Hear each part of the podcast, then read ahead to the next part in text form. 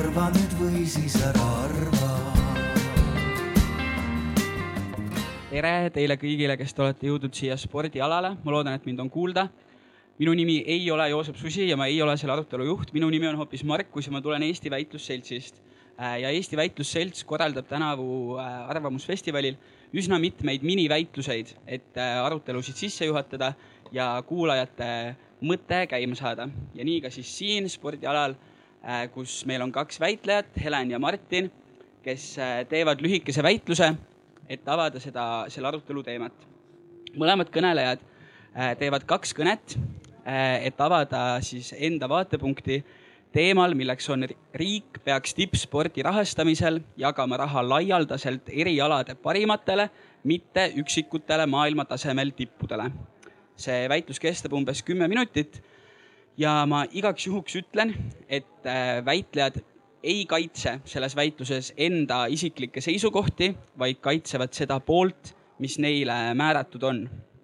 ja publikule ka, et selle väitluse ajal palun mõelge kaasa, sest et kõige lõpus on äh, kiire publiku hääletus, et teada saada, kumma poole argumendid teie meelest äh, veenvamad olid.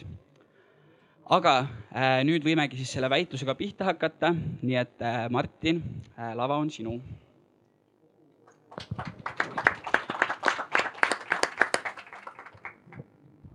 Äh, aitäh, äh, mina siis esindan seda poolt, et äh, raha peaks jagama laialt erialade tippudele ja mul on selle poole toetuseks kaks argumenti. esimene räägib siis ühiskondlikust kasust ja teine räägib sportlastest. esiteks, kui me vaatame ühiskonda, siis tegelikult on ju nii, et meil on hästi palju erinevaid inimesi, kellel on erinevad eelistused, erinevad huvid, erinevad alad, millega nad ise tegelevad, erinevad asjad, mis tunduvad telekast vaadates huvitavad. Ehk siis, kui me tahame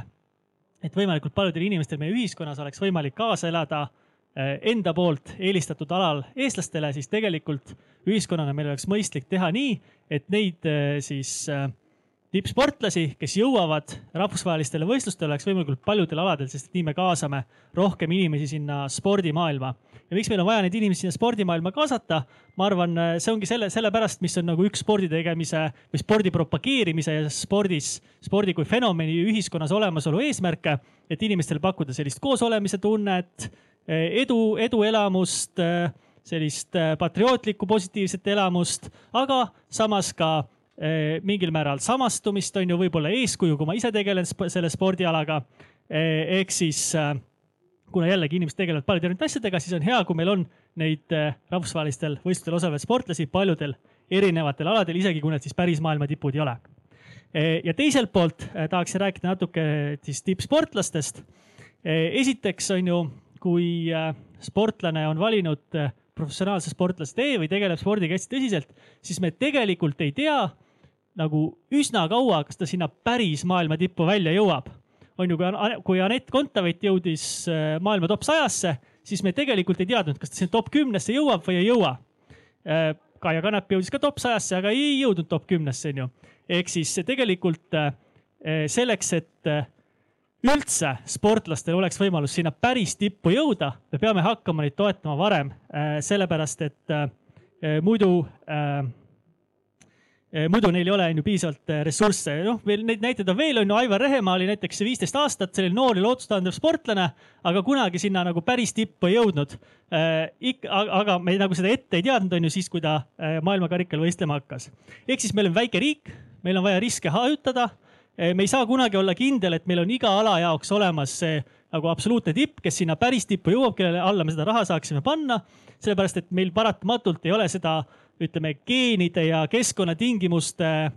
eh, nagu eh, koosmõju eh,, mis siis suudaks avalduda igal spordialal, et me need päris maailma tipud kätte saaksime. ja kui me neid päris maailma tippe igal alal kätte ei saa ja varem sportlasi ei toeta, siis varem nendel sportlastel ei ole piisavalt raha, et panustada kvaliteetsetesse treeningutesse, taastumisse ja kõigesse muusse, mida on tegelikult siis sinna päris maailma tippu jõudmiseks vaja. aitäh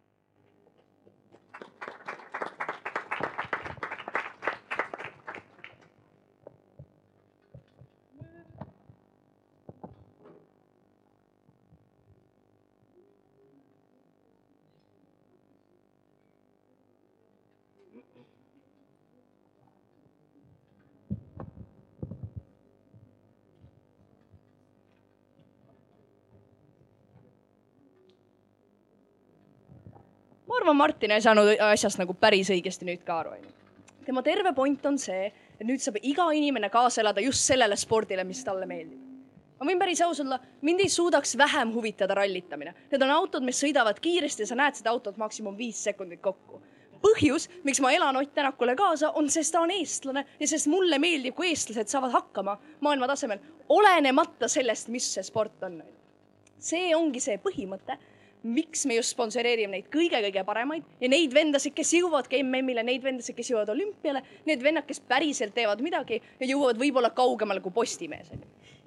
No shade Postimees. okei okay,, ma räägin siin kahest asjast, ma räägin esiteks veidi patriotismist ja siis ma räägin veidike nendest iidolitest ja kuidas on kasulik, kui meil on neid spordiiidolid olemas. ma arvan, ma nõustun sellega Martini kõnes, et spordi eesmärk on luua mingi kogukonnatunnet, spordi eeesmärk on anda meelelahutust, eriti just siis tippspordi skaalal onju ma arvan, kui me sponsoreerime neid kõige-kõige tippe, me saavutame seda eesmärki kõige paremini. kui meil on olemas paar seda üksikisikut, kui meil on olemas paar, noh näiteks ma arvan, praegu Eestis ongi head näited äh, Ott Tänak, siis Anett Kontaveit ja võib-olla veel mingi sportlane, ma tegelikult ei tea väga palju neid. see on suur tõenäosus, et terve Eesti riik vaatab neid terve Eesti riik vaatab neid lihtsalt selle põhimõttega, et talle kaasa elada. see on nii äge, sest ma olen kõndinud samadel tänavatel kui Anett Kontaveit, ma võib-olla mänginud samas tenniseklubis, võib-olla mu ema teab ühte tädi, kes oli tema juuksur kunagi. seal ei pea olema mingit lähedast nagu sidet, et mina tunneksin mingit rõõmu sellest, et Anett Kontaveit jõuab samasse kohta, kuhu on jõudnud Serena Williams. ma arvan, et see nagu nauding ja meelelahutus tuleneb olenemata sellest, kas ma nagu tegelen selle spordiga igapäevaselt või kas see mulle väga-väga lähedane on ju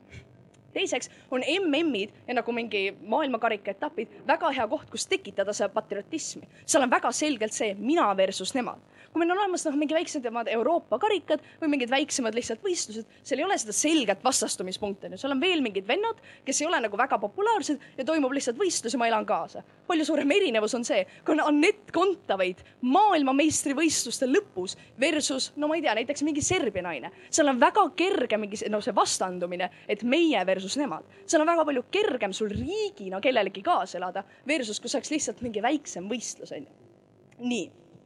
ja viimaks, ma arvan, see on lihtsalt väga tähtis, seepärast et sport on üliunikaalne viis, kuidas me saame riigina kokku tulla. meil ei ole tegelikult neid punkte, mille peal me kõik tunneme samamoodi väga palju. me hääletame eri erakondade poolt, me ei usu poliitiliselt samasid asju, me räägime eri keeli, aga sport ja need üksikud eestlased või siis vahet ei ole, mis riigist me räägime, kes on tippu jõudnud, on need unikaalsed punktid, mille pealt me saame kõik tunda ühtsust, onju. teiseks, iidolid. ma arvan, et nagu Anett Kontaveit ja Ott Tänak ja siis veel mingid sportlased on väga nagu head viisid, kuidas lapsi saada üldse eales sporti tegema, sest lapsed tahavad teha seda, mida teevad nende iidolid. Nagu sedasama asja ei juhtu, kui meil on lihtsalt palju madalama taseme sportlased, sest neist ei saa kunagi kuulsuseid. Nad on lihtsalt mingid inimesed. meil on vaja, et need, et need sportlased oleksid maailmakuulsad, meil on vaja, et need sportlased oleksid need, keda sa tänaval ära tunneksid, lapsed oleksid neist motiveeritud ja läheksid sinna trenni. aitäh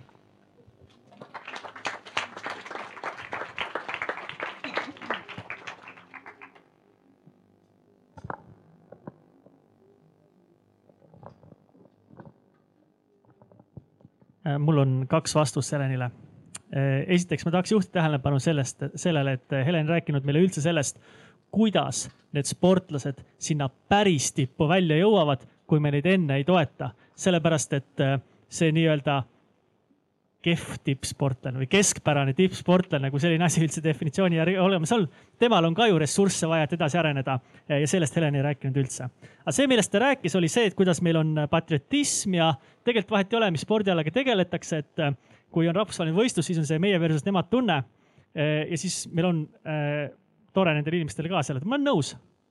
aga meil on selle loogika järgi ju veel toredam neid spordivõistlusi vaadata, kui neid sportlasi on seal rohkem kui ka need keskpärased tippsportlased on seal olemas, sest et me oleme neile raha andnud ja isegi siis, kui me elame kaasa selle nimel, et jõutaks seal maailmameistrivõistlustel noh, võib-olla kuskil sinna poolfinaali või finaali kuskil äh, ma ei tea, ujumises või neljasaja meetri tõkkejooksus või milleski sellises, kus me päris nagu sinna meistriks ei saa eh, siis, siis tegelikult ka seda Heleni patriotismi tunnet on meil rohkem kui neid inimesi, neid keskpäraseid tippsportlasi on seal rohkem. aitäh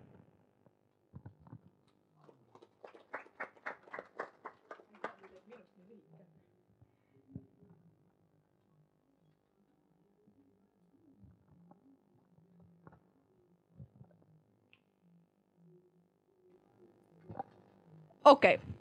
need tipud ei teki ju niisama, onju, nagu ma arvan, et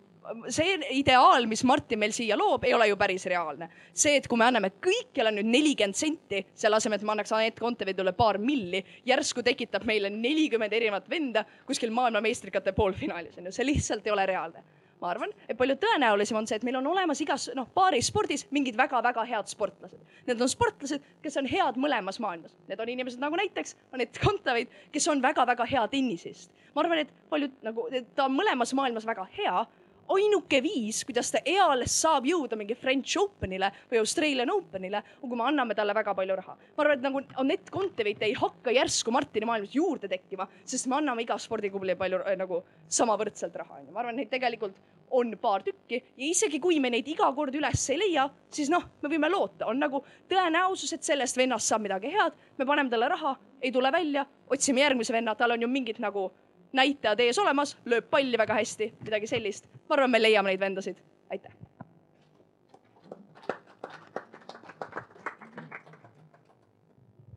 Äh, ma loodan, et äh, väitlus äh, tekitas igaühes mõningaid mõtteid. teeme siis nüüd kiire hääletuse, et lihtsalt tõstke käsi, kumma poole argumentidega te rohkem nõus olite. kes olid rohkem nõus jaotuse mõtetega? ehk siis Martin, härra Punases andke märku käega, kui leidsite, et tema mõtted olid veenvamad. nii mõned inimesed on, äh, kes jäid rohkem nõusse eitava poolega.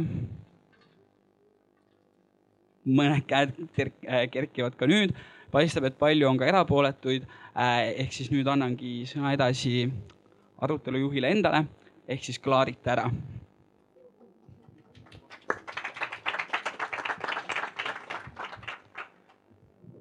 ja noh, selles suhtes, et tippsport on muidugi jabur, noh, selles mõttes vahid võõraid inimesi, üldse ei tunne. Vaatab, kuidas nad mängivad ja siis veel kuidagi emotsionaalselt reageerid, vahel veel hüppad teisele kaela, käitud täiesti ebaratsionaalselt. tundub, tundub jabur. Aga ma alustan ka igaks juhuks äh, selle mm, siinviibijate nii-öelda kaardistamisega. eks mul on paar sellist äh, küsimust, et äh, ma saaks aru, et kui suur on nii-öelda huvigrupp ja kui palju me räägime, võime rääkida näiteks tippspordi kriitilist juttu. et kõigepealt võiksid käe tõsta kõik, kes on praegused või endised tippsportlased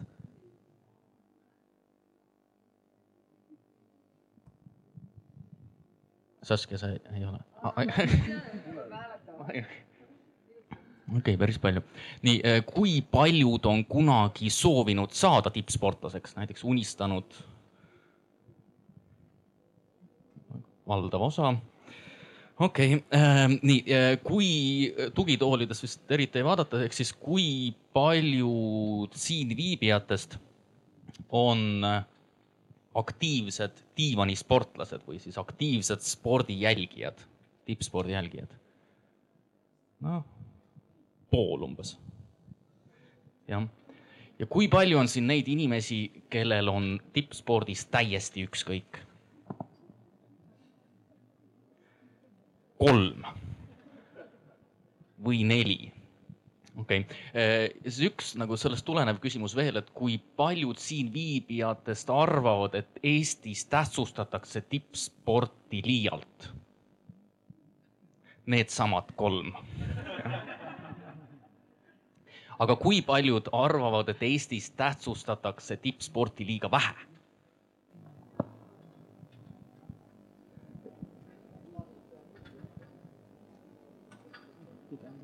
jah. mikrofoni kohta. ma arvan, et küsim-, töötab või? et küsimus ei ole tähtsustamises, aga võib-olla äh, süsteemis ehk ma ei arva, et sellest liiga vähe räägitakse, küll aga saaks selles äh, valdkonnas üht-teist ära teha mm. -hmm ühesõnaga, ma saan aru, et äh, vaadates vastuseid, siis me peame pigem rääkima, otsima põhjuseid, miks tippsport on väga vajalik täna. Ehm, jah, aga me leppisime kokku, mitte küll päris kõigiga, ma kohe tutvustan ka paneliste, selles mõttes äge, mõtlesin. et äh, esimene küsimus on kõigile üks ja seesama, aga ma esitaks selle küsimuse kõigepealt kõigile teistele, ehk siis ma annaksin umbes nelikümmend seitse kuni viiskümmend viis või umbes nii sekundit aega mõelda väga lihtsale küsimusele, mis on Eestis praegu tippspordi kõige olulisem funktsioon? Eestis praegu kõige olulisem tippspordi funktsioon Eesti ühiskonnas, kultuuris ja nii edasi. panen aja käima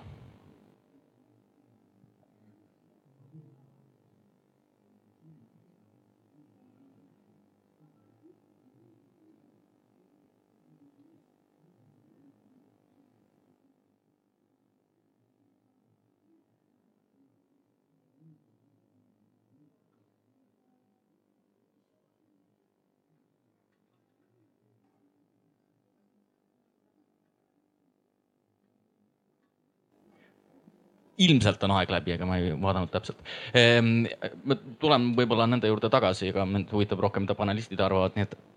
ehm, meil on siin Kristel, eh, kes on spordipsühholoog, ma saan aru, peatne doktor. palju õnne.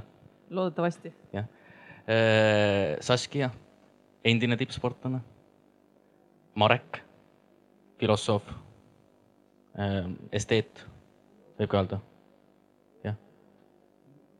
ja Marko, endine tippsportlane ja praegune treener. ja me leppisime kokku enamikuga teist, et mu esimene küsimus on täpselt seesama. ma e-, kõigepealt esitasin selle küsimuse Marekile, nii et Marek võib-olla alustab. küsimus on täpselt seesama. ülimalt üldine, mis on äh, Eesti ühiskonnas praegu spordi põhiline, põhimine funktsioon? no põhi, aitäh põhilist funktsiooni on väga raske nagu tuvastada, sest et üks asi, mis selle küsimuse juures tuleb noh, nagu sisse tuua, on loomulikult see, et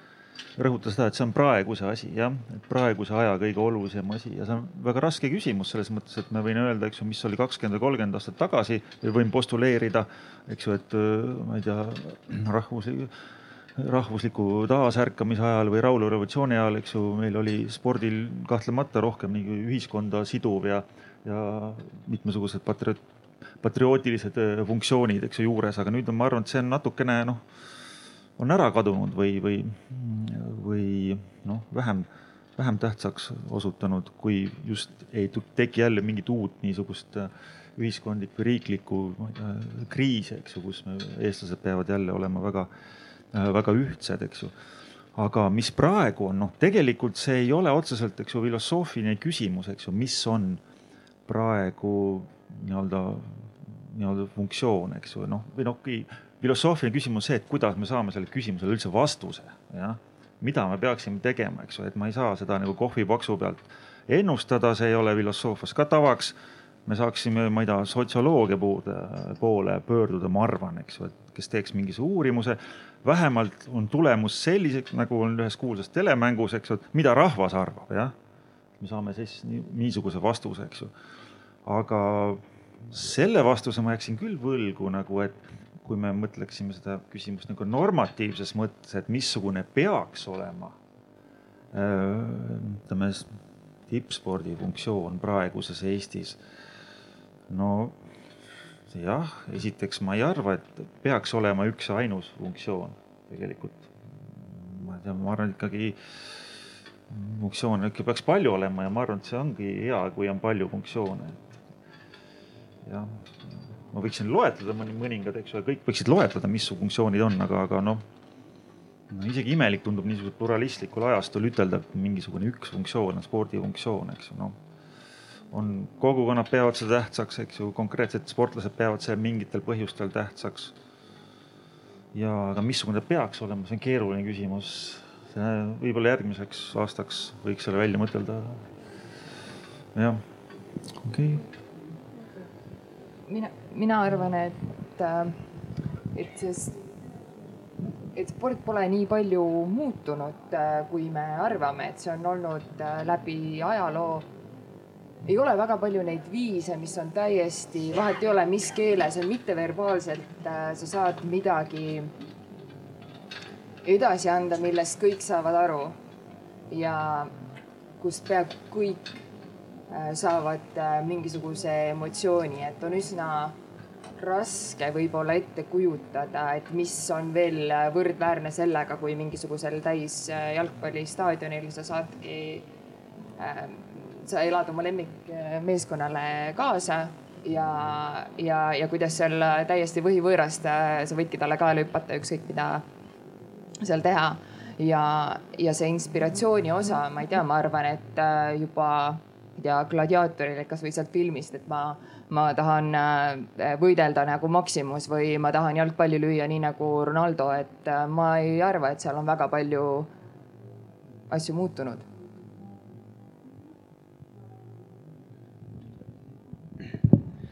Noh,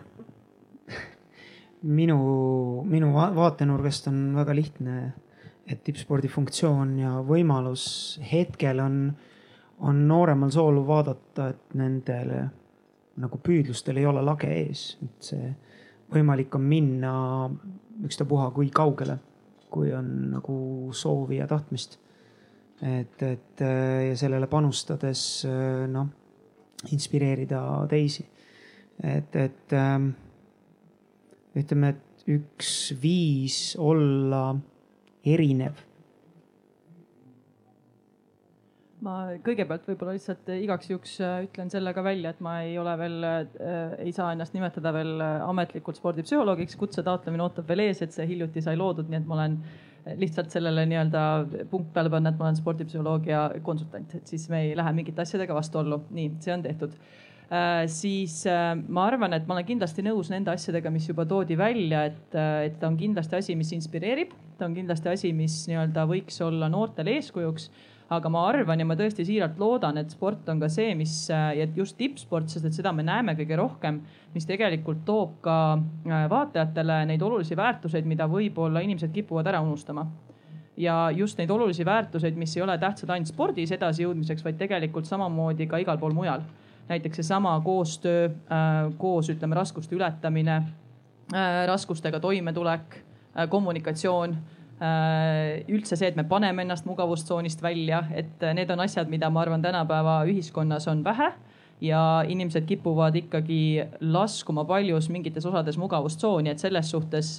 sport näitab väga hästi, et selleks, et areneda, tuleb mugavustsoonist välja tulla nii et ma arvan, et ta võiks kanda ka väga palju selliseid positiivseid väärtuseid, mida üleüldse võiks olla ühiskonnas tegelikult äh, rohkem pildis eriti just noortele eeskujuks ka. nii et äh, nii palju sellest, mis ma mõtlen ja, ja kui siia lisada veel äh, eelmised kaks diskussiooni, mis siin on olnud, siis ähm,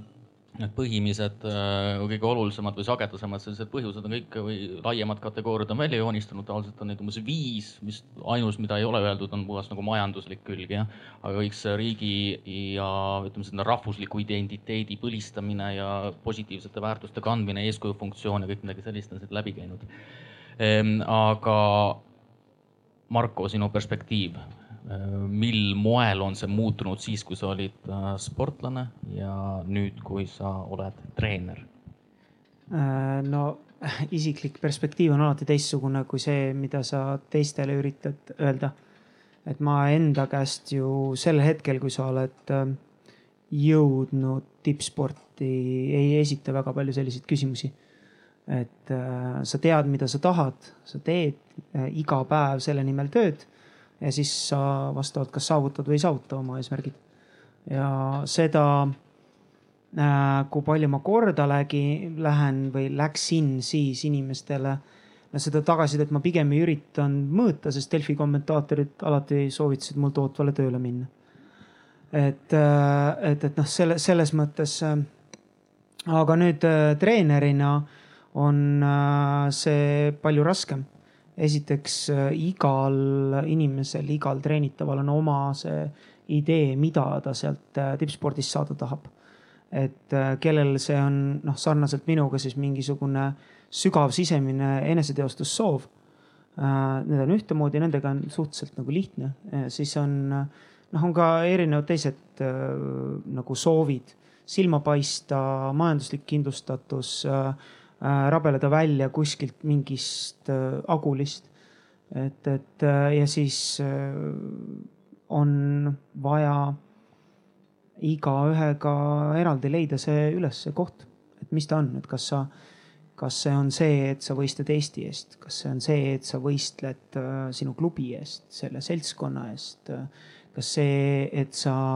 nagu Äh, et sind on toetatud nii palju, et sa saaksid nagu kellegi õlgadele seista, kas, et noh, mis parasjagu see on, see on hästi individuaalne. aga miks peaks üldse keegi tippsportlaseks hakkama või kust tuleb selline julgus, et öelda mõnele noorele inimesele, et sa pead ka oma elu selles mõttes ära rikkuma suure tõenäosusega, et eh, oma tervist kahjustama ja hakkama täiesti noh, nui neljaks siis tulemustele eh, panustama? Mina seda küll ei ütle, absoluutselt, et, et, et see on, see on sada protsenti selle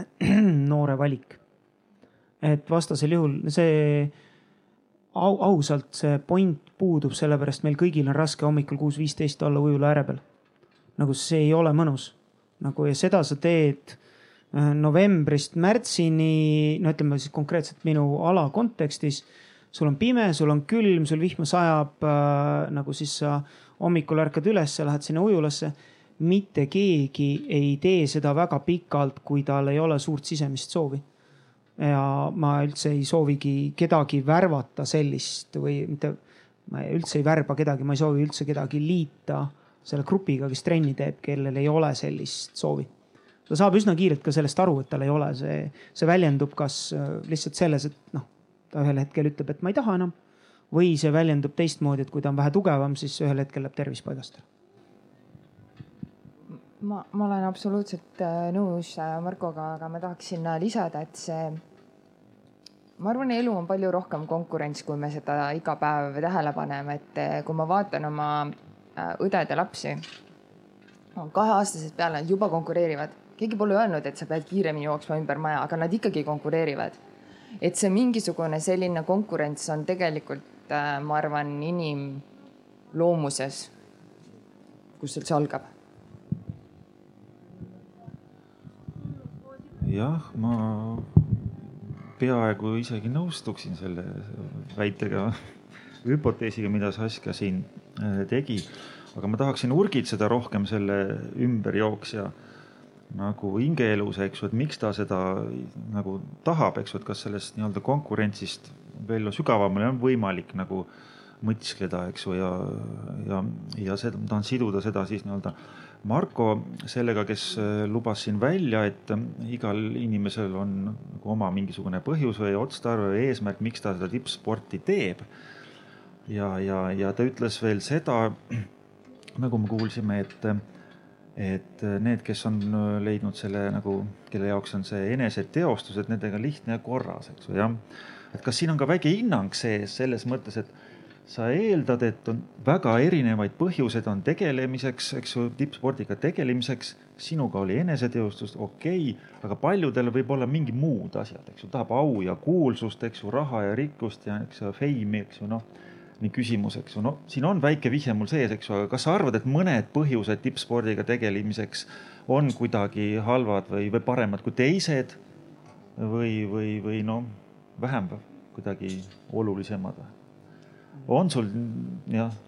kas tunned, kas sa tunned praegult juba nagu treenerina, et, et mõni teeb, tahab tippsporti teha valel põhjusel või kuidagi vildakal põhjusel? No otseselt äh, enda ümber ma ei ole näinud äh,. sportlasena ma loomulikult nägin neid, kes kasutasid äh, keelatud võtteid. et seal on noh, siis me jõuame väga-väga sügavale arutelu, et noh, miks nemad sporti tegid. selleks, et petta või mis, mis, mis see teema on, miks nad tegid või nad ei saanud aru või kuidasmoodi see õigustus üldse toimib, et mina, mina ei saa sellest päris hästi aru. aga samas näiteks mul puudub äh, tegelikult ju see, kuidas ma mõistan hukka kuskilt äh, noh puu tagant ilma igasuguse hariduseta, ainukelt füüsilise võimekusega vaesest perest kasvanud poisi või tüdruku, kes jõudes maailma areenile nagu siis kogu oma nii-öelda pere, suguvõsa, mis iganes majandusliku kindlustatuse sellega toob. Temal on ju see põhjus võib-olla ongi seal, et, et saaks äh, vanaemale kahetoalise korteri või midagi sellist. et, et äh, see minul, mina ei suu-, mina ei tohi, ei saa kuidagipidi seda tema põhjust hukka mõista, seda niimoodi teha. sest ma ei tea, ma ei ole tema kingades, mina olen teistmoodi kasvanud, ma olen Nõmmelt välja kasvanud ja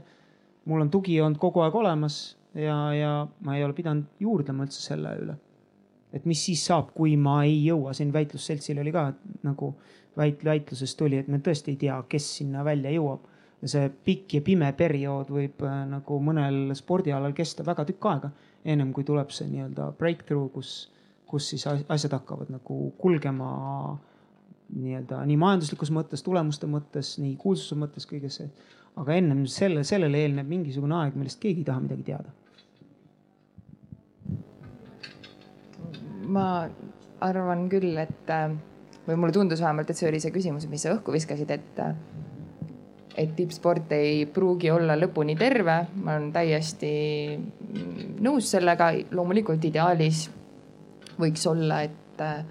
et see on eelkõige sa arened inimesena, aga paratamatult, mida kitsamaks me mingis rollis ja kõrgemale läheme, siis tihti tuleb see rolli areng eelkõige.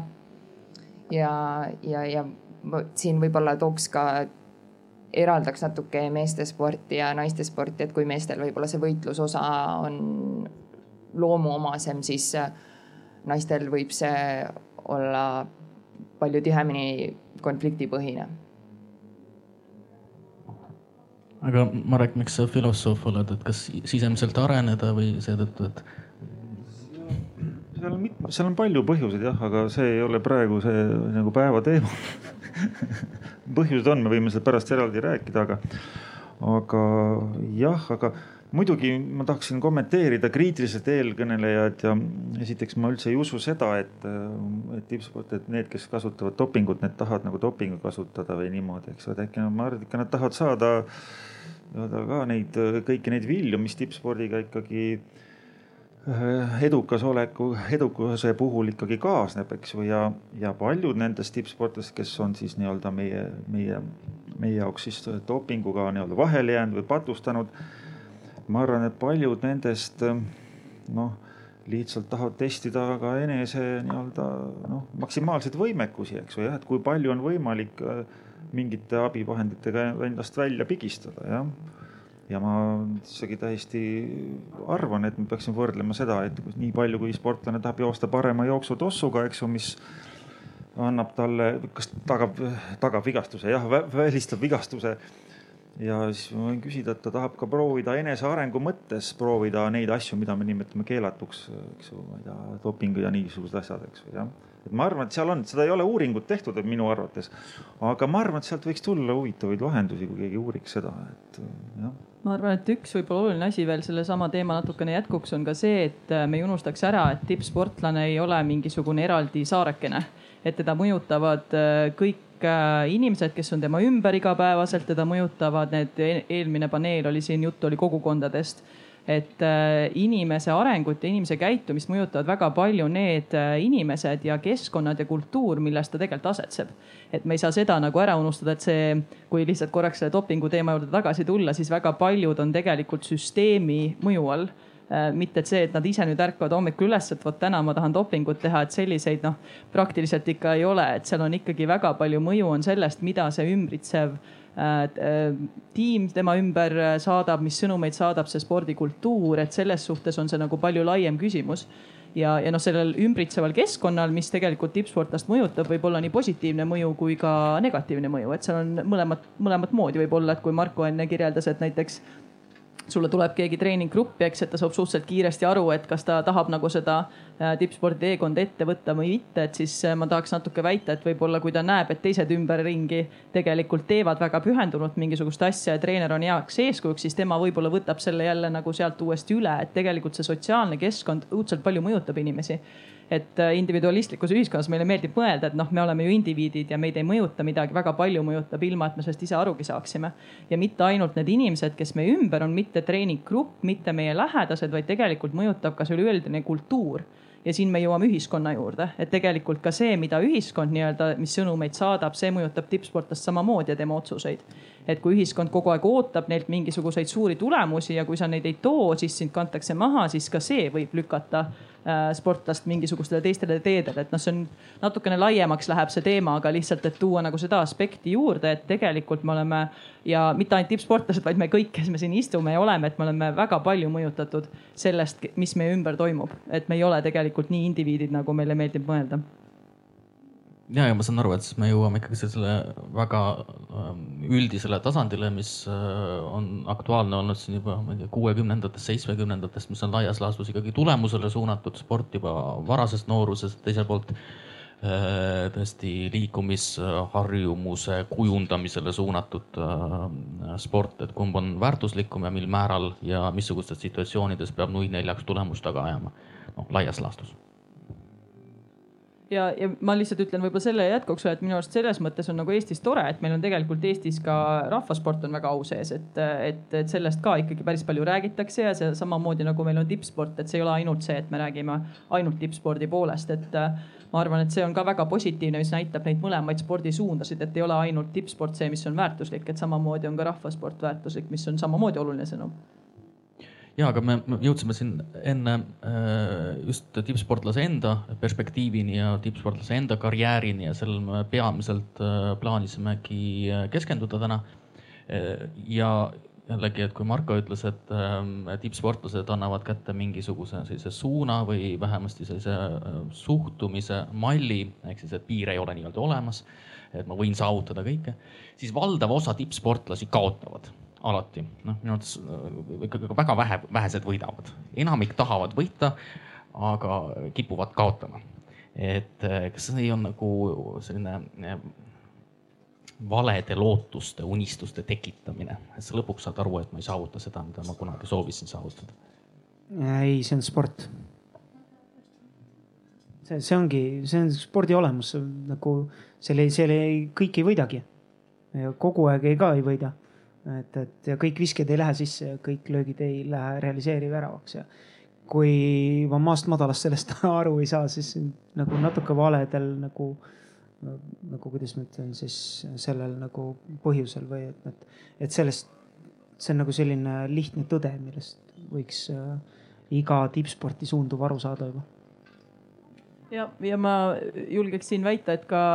tegelikult äh, tippsportlased, kes tegelikult jõuavad tippsporti, seal püsivad ka, neil on väga palju teisi eesmärke kui ainult võita. et selles mõttes, kui sa lähed igale võistlusele vastu ainult selle eesmärgiga, et sa tahad ainult võita, see on kuskil kuklas on see kõigil, aga see ei ole sinu ainuke eesmärk, kui sa võistlustele lähed sest et muidu sa lihtsalt äh, põled üsna kiiresti läbi, kui sa neid tulemusi ei saa, et selles suhtes ma arvan, et äh, tippsportlased, kes tegelikult pikalt püsivad, seal on targad sportlased, kes panevad endale erinevaid eesmärke. Nad ei võistle ainult selle nimel, et ma pean sealt selle tulemuse saama ja kui ma ei saa, siis mul ei olegi mingit mõtet treeninguid teha, et äh, niimoodi nad tõesti ei jõuaks kaugele, aga, aga ma isiklikult tean ka, kellega ma olen koostööd teinud, et on väga palju väga tarku sportlasi, kes tõesti panevad endale mitmekülgseid eesmärke, kui nad võistlustele lähevad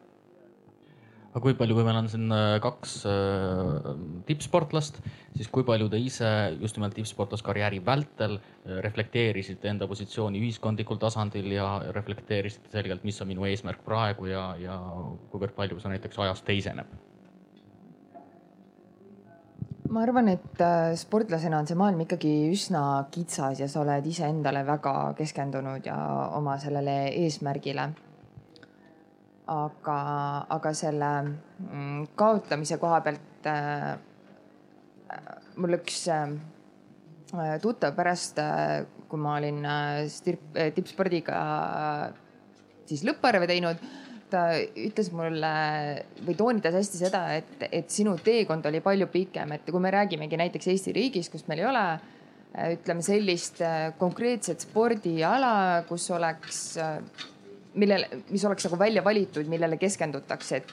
et püütaksegi hakata lapsi nendele, ma ei tea, mingile paarile spordialale üsna varakult koguda kõige andekamad ja siis noh, need on mingi noh, Uus-Meremaa mudel või näiteks, näiteks midagi sellist. siis, siis see teekond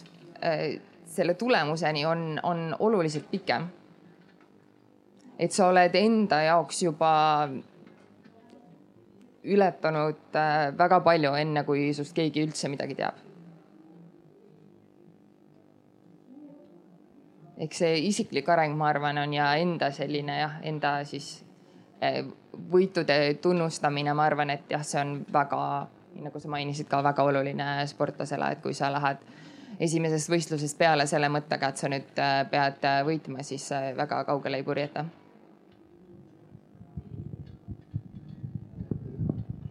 jah, ma läheksin siit äh, Saskia äh, mõttest edasi ja, ja no see võib tõesti olla piiratud äh, mõtteviisi tunnus, eks ju, et kui inimene räägib kogu aeg, et ta tahab võita, ainult võita. noh, jah, ma, ma, ma, ma aktsepteerin seda, et, et sportlased on ka väga mitmepalgelised, mitme erilised, individuaalsed isiksused, eks ju. aga nüüd küsimus on selles, et üks asi, mida ta enda mõttes mõtleb, et miks ta teeb seda sporti, miks ta tahab pingutada. teine asi on see, et kui palju või kas ja kui palju ta saab sellest nagu avalikult rääkida, eks ju, jah. Nendest individuaalsetest asjadest ja see, mida mina nagu spordi kõrvaltvaataja nagu tahaks kuulda, ma tahaksin seda nagu sportlase rohkem seda individuaalsust ka tema jutus ja intervjuudes äh, nagu kuulda, eks ju, et noh, sealt lihtsalt liiga, liiga palju tuleb selles niisugust nagu stampasja, et ma tahan võita ja ma ei kujuta ette, et kui ma ei võida, eks ju, ja nii edasi, edasi, mis on miljon korda kuulatud, eks ju, ma tahaksin avada, nüüd on see teine asi, mida ma tahaksin rõhutada, on see, et aga kui palju ta saab üldse nagu avalikult rääkida kõigest asjast, mis, eks ju, küsimus on selles ju see, et ma ei saa ikkagi kõvasti luuletada, mille pärast ma ikkagi sporti tahaksin teha, eks ju, kui, kui mul raha tuleb äh, olümpiakomiteelt, eks ju, seal need sponsorid ja nii edasi, eks ju, jah. et siin on mingi raamistik kindlasti olemas, eks ju, ja mind huvitab, noh, filosoofina mind huvitab seda nagu, nagu ütleme, puudutada õrnalt seda asja vähemalt, jah. et kui palju, kui palju sportlased saavad rääkida selle, mis ta tegelikult tahab. ja, ja kas kõik see, miks, miks tippsporti tehakse, kannatab ka nagu avalikku kriitikat ka või? või on sul naissportlasel omad mingisugused sisemised tungid, mida sa kellelegi ei väida, ei ütle välja, jah. ja sinul meessportlasena, eks ju, see on ka oma salaplaan, eks ju, kas on sellised asjad olemas, ega me ei taha, nagu võib-olla me ei tahagi kuulda sellest praegu, aga kas see on olemas või ei ole, see on, see on oluline no ise, iseendaga rääkides kindlasti on. ajakirjandusel kindlasti ei usalda. inimestele nagu noh ma ei tea, see peab olema selline väga selline usalduslik äh, äh, suhe, kas ajakirjanduse või mingisuguse, millistel tingimustel sa lased või avad ennast äh, nendel, nendel põhjustel. et, et äh, hea on, kui kellegiga on rääkida. siin väga palju ajakirjanikke pole, ma vaatasin, Tiisler liikus ringi, et aga noh ajakirjanikel, ajakirjanikel sportlase kogemuse tõttu on ka, on ka vahe sees. Äh, minu arust parimad on raadioajakirjanikud ja seda sellel põhjusel, et äh, neil ei ole võimalik puusalt panna. Äh, sa oled mikrofoni taga ja siis neil on, ma ei ole kohanud kedagi, kellel ei oleks ilusti ette valmistatud töö. ja see viib sportlase kindlasti tunduvalt lähemale enda avamisele kui see, kui äh, lihtsalt äh, keegi tuleb ja arvab, et tema suur tere persona on see, mille pärast sa peaksid hakkama, äh, hakkama puistama talle, et, et mis need on need tegelikud raskused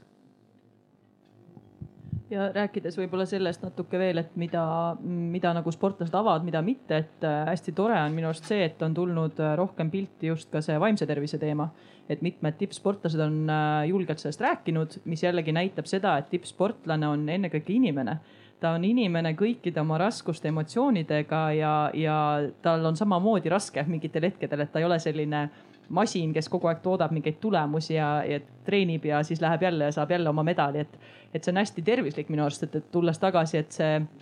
Äh, tippsportlane täidab ka võib-olla eeskuju rolli noortele, et siis äh, minu arust ka need sõnumid väga hästi näitavad, et sa pead tegelikult hoolitsema ka iseenda eest inimesena tervikuna, mitte ainult see, et sa mõtled, kuidas sa trenni paremini teha saad, et. et ma arvan, et see on ka hästi äh, oluline sõnum selle juures. et mis see tippsport siis ja mis see tippsportlane tegelikult on ja, aga kas siin joonistub välja selline vastuolu või kaks erinevat tasandit, et üks on see sportlase, tippsportlase enda perspektiiv, äh, millest me tegelikult väga palju ei tea midagi, ma saan aru, ja teine on siis äh, võrdlemisi suur ühiskondlik ootus. saatis tippspordi puhul räägitakse ka sellest, et äh, kõige olulisem on tippsportlane kui selline moraalne majakas või eeskuju ja teiselt poolt see, et tippsport pakub meile positiivseid emotsioone ja mingis, põlistab positiivseid väärtuskategooriaid et kas siin ei ole selline vastuolu, et, et sportlane ajab justkui oma asja ja teiselt poolt talt oodatakse väga palju nii tulemusi, emotsioone, moraalselt täiuslikku käitumist ja nõnda edasi. No siin ma lihtsalt enda poole pealt võib-olla ja just enda professioonist lähtuvalt võiks just öelda, et hästi tore, kui jälle tippsportlastel on tugi olemas, et selle nende ootuste ja, ja nende asjadega toime tulla ja see ei pea olema kindlasti mitte ainult psühholoog, et see võib samamoodi olla oma lähedased, oma treener. et jällegi tulles tagasi, et see sotsiaalne keskkond väga palju mõjutab ka toetuslikult äh, seda tippsportlast, et kui sul on ümber väga hoolitsev tiim, sul on oma lähedased, kes sind toetavad sellel äh, üsnagi konarlikul teel, et siis tegelikult noh, sellest, sellest võiks väga palju abi olla et äh, ma arvan, et see on oluline, et üksinda jällegi sportlane üksinda indiviidina pikalt ei jõua, et tal on ikkagi vaja ka seda toetajaskonda ümberringi. jah, ma olen, mina olen küll sellega nõus, et seda toetus, toetajaskond on vaba, aga samas ma tahaksin ka noh, mõtelda selle üle, et eks, et et noh, me ei mõista mingit ühtne valdkonda ju piisavalt hästi siis, kui me ainult keskendume, eks ju, sellele ühel konkreetsel valdkonnal või no ütleme spordile kui ma ei tea, kultuurinähtusele, eks ju, jah. me peaksime nagu noh, avara perspektiivi võtmiseks vaatama ka, mis mujal toimub, eks ju, jah, ja kuidas muude ja erialade, muude valdkondade tippudega asjalood on, eks ju, niimoodi jah. ja küsimus on, et kas, kuidas meile tundub, noh meile kõigile, et kas kas sportlastelt on nagu kuidagi liiga roh-, liiga palju oodatud, et nad peavad olema no jube suured eeskooli, eeskujud ja iidolid ja nii edasi, eks ju, et noh, tal võib-olla on suurem press näiteks võrreldes, ma ei tea, näitlejaga või kunstnikuga. Äh, eks ju, tal on suurem press peal, eks ju. Äh, ta võib olla natukene ka ütleme, võib-olla kui noh, kui kunstnik on kusagil väike nii-öelda liiga palju joonud õlut, eks ju, siis see nagu see on, on normaalne tema juures, eks ju, aga sportlase juures juba hakkab silm nagu noh, tunded on kõigepealt teised olla, eks ju, selles osas, eks ju niimoodi ja küsimus on, kas meil see ühiskonnas see noh, selles mõttes on balansis või on nagu tasakaal, eks ju, või on vaja midagi, kas midagi, kas, kas sportlasel peaks veel kõvemini kruvima, et neid ootusi, et nad oleksid rohkem iidolid või võiks pigem vastu võtta või jätta nii, kuidas nad on ja ütelda, et kuulge, kuulge, aga meil peaksid äh, lauljad ja kunstnikud hoopis oma latti tõstma, jah. vot niimoodi, eks ju, mõtleksin, et kas on, kas need on paigas, eks ju, need, need ühiskonna, noh, erinevate valdkondade äh, asjad. Kas sa, kas Marko, ma küsin, et kas sa oled natukene noh, mõnikord äh, vaadanud, eks ju, mingite teiste kultuurivaldkondade esindajad, eks ju, et kas nad, nemad saavad endale niisugust asja lubada ja, ja vot sina nüüd ei saa, kuna sa oled tippsportlane, eks ju, ja et sa ei saa midagi teha või kuidagi olla. Äh, ja olen küll, nagu ma, kui ma mõtlesin, et, et kui kirjeldatakse, kuidas Kaur Kender oma järjekordse šedöövri valmis sai, siis kõlas umbes selliselt, et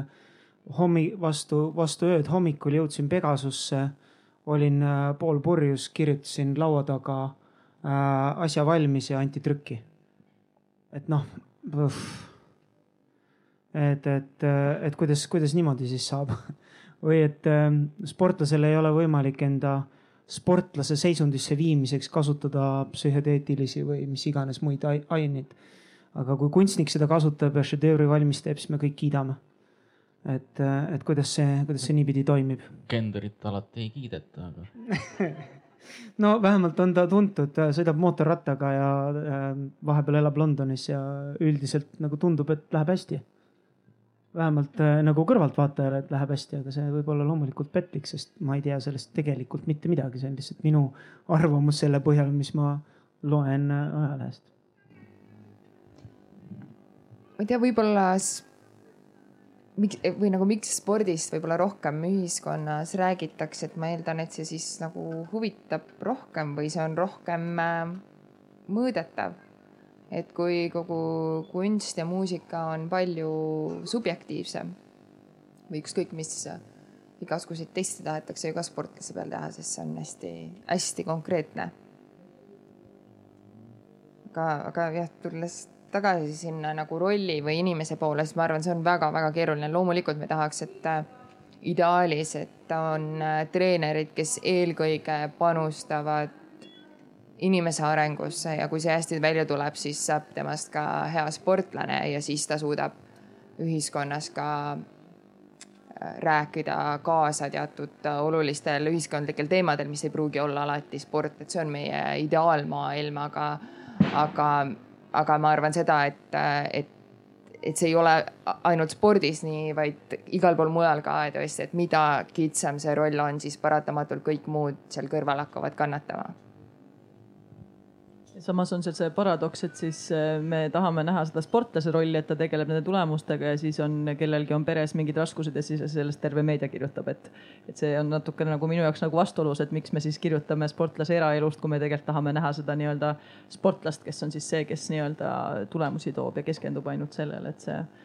see kindlasti kaasa ei aita, nii et äh, see, selle, seal sonkimise ma tõesti loodan, et see võib-olla millalgi lõpeb, aga võib-olla ka mitte jah, siin paar aastat tagasi kaitsti magistritöö, mis, mille põhiseisukoht oli siis laias laastus see, et tippsportlane, kuna ta on tippsportlane, siis tal on ka oluliselt suurem vastutus käituda moraalselt, jah no tundub mingis mõttes loogiline, aga ma tuleks selle äh, küsimuse juurde tagasi, mille Marek esitas, et ikkagi, kas need äh, nii-öelda nõudmised või kas see vastutus on liiga suur, mis on asetatud tippsportlaste käitumisele? no ütleme niimoodi, et ega tegelikult äh, nagu noh, mina vaatan asja siis vastupidav spordiala seisukohalt ja seal sul ei ole neid lõtku üldse sees äh,. ma mõtlen konkreetselt siis siin alkoholile või millelegi sellisele. kui on purtsu ja paugualad, seal on rohkem nagu see võimalik sul äh, nagu oma kehaga hooletumalt ringi käia.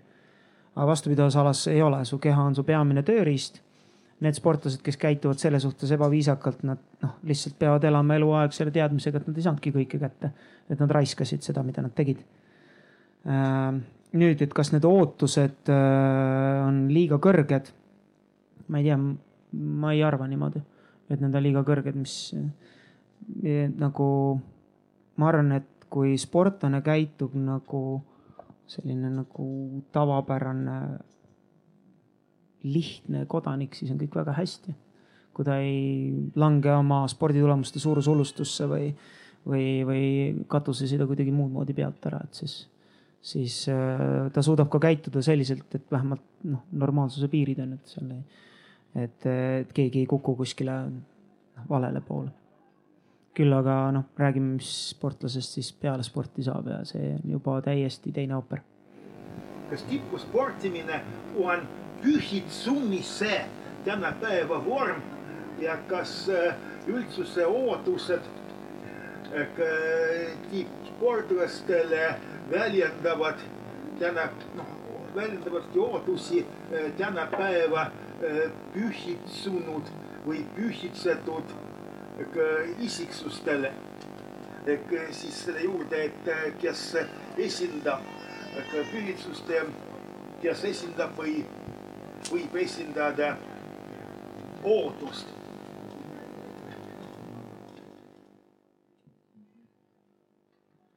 no kellegi teise ootusi esindada on üldse väga kuidagi raske. et see ei ole minu kontrolli all, mida sina ootad minult. et see, sellega on nagu väga raske te teha, et, et tippspordis sees olles äh, sportlane ise tegeleb siiski ainult iseenda ootustega. Enamikus, et kui, kui ta, kui ta hakkab juba tegelema kellegi teise ootustega, siis ma arvan, on, tal on palju raskem vist ise hakkama saada. Ja ma olen hästi nõus, et, et sellega see ühiskondlik ootus, et ma kohe küsiks, et kes see ühiskond on ja et, et sportlasena pidin hästi tihti nagu enda jaoks aru saama, et tegelikult ju ka mina mõtlen, et nemad ootavad minult, et, et muidu on ikkagi väga raske. Ja ma, arvan, et need ühiskondlikud ootused kindlasti alati jäävad ka, et ega need ju selles mõttes kuskile ei kao, et nagu, nagu sa Marko ütlesid ka, et noh, tegelikult sport on võidu peal et selles mõttes, et noh, see, see ei kao mitte kunagi mitte kuskile, aga, aga noh, jällegi sportlane ise saab tegeleda sellega, kuidas teiste ootuste ja iseenda ootustega toime tulla, et selles mõttes see on ainuke asi, mis on ka kontrolli all, et seda, mis ühiskonnas toimub, me nii palju kontrollida ei saa jah, või ja, nõus äh,. Aga mina, mina mõtlesin sellest niimoodi, et, et see on kui justkui nagu lootus, et ikkagi nagu tegelikult see tähendab, et inimesed midagi äh, Nad soovivad sulle head, kui nad midagi ootavad, lihtsalt see ootus on nii halb sõna, et, et see juba tekitab pinge. kohustus. jah. jah, ma kujutan ette, et sa saad noh, kasutada seda rahva ootust või ühiskonna ootust nagu jah, enese ütleme boost imise või motiveerimise vahendina, eks. Kui sa tunned, et see on olemas või, või tunned, et sul on endal see asi ma ei tea, ma arvan, et äh, no ma ei julge üldistada, aga, aga ma arvan, enamus sportlastel on endal see drive nii tugev sees, et, et see kõik, kõige muu ootus ei aita sinna enam kaasa. et kui, kui sa seal maailmas elad, siis sa pead teadma, miks sa seda teed ja miks sa seda tahad. ma arvan, et kui sportlane tahab teada saada, millised ootused või milline on kaasaelamine, siis koduvõistlus on väga hea. et kui keegi, noh, see spordiala, millel, millel ta nagu äh, võistleb, siis korraldab noh, nagu tõsise võistluse Eestis. ja siis on näha, kas rahvas tuleb vaatama, kas rahvas elab kaasa, et noh, kui palju sa siis nagu kaasata suutsid või suudad. et siis see on, see on nagu konkreetselt nagu tagasiside sportlasele, et ta võib-olla sinnamaani, et noh, et meil ei ole jäähalli kus saaks võistelda. et, et, et sa ei saanudki teada, palju tegelikult oleks eestlasi, millist lärmi nad oleks teinud sul seal. et sa olid Hollandis, selle nagu ei tulnud. minul õnneks viimane võistlus oli Eestis. see oli midagi sellist, ma ei arvanud, et kunagi juhtub. ja, ja see mälestus, mis sellest jääb, on väga-väga hea. et siis said nagu aru, kui palju korda läks sellel hetkel, sellel päeval ja see on jälle hästi, ma olen nõus selle kõigega, et see on hästi individuaalne, et, et kuidas see kellelegi ähm, see ootus mõjub nii-öelda, aga samas on noh, kui ma mõtlen jälle äh, nende sportlaste peale, kellega ma töötanud olen, et, ähm, et mõnel on ka olnud see just see nii-öelda ähm, eeskujuks olemise roll tegelikult natuke nagu vabanemine, et äh, ta ei keskendugi sellele tulemusele nii palju, vaid tal vahepeal nagu sellest endast väljavaatamine ja enda tegevuse seostamine nagu sellega, et on eeskujuks, on ka aidanud lahti lasta sellest, et ma kogu aeg keskendun endale, nagu te mõlemad olete öelnud, et tegelikult äh, noh, tippspordis see kipub nii minema, et kõik asjad käivad ümber sinu ja, ja sa teed kõike enda jaoks ja enda arenguks ja taastumiseks, et vahepeal vaadata enda mõju laiemalt võib isegi aidata seda pinget maha võtta. et see jällegi individuaalne näide lihtsalt, aga, aga jällegi see, et see ootus äh, olla eeskuju võib ka mõjuda tegelikult vastupidi, võib mõjuda just pinget nagu alandavalt ka, et see ei ole alati nii-öelda mustvalge, et see on alati halb ja kindlasti on äh, väga tore või kuulda vahepeal, et, et, et ma ei tea, täiesti spordivõõras inimene äh, hakkas äh, trenni tegema, et, et siis sa saad aru, et, et okei okay,, et kas ma olin kaheksas või üheksas. ei olegi võib-olla teiste jaoks nii suur vahe kui minu enda jaoks. ja see eeskuju mõiste, mis on minu jaoks natukene hägune, on siin väga palju läbi käinud aga et minu arvates nii tippsportlaste kui ka teiste kultuurivaldkondade selline eeskuju funktsioon on alati nagu kahesuunaline, et igasugune negatiivne eeskuju on samamoodi väga-väga suure mõjuga ja seda on vaadatud ka päris palju. tippsportlaste käitumine ja nende igasugused negatiivsed teod avaldavad väga palju negatiivset mõju. see oli lihtsalt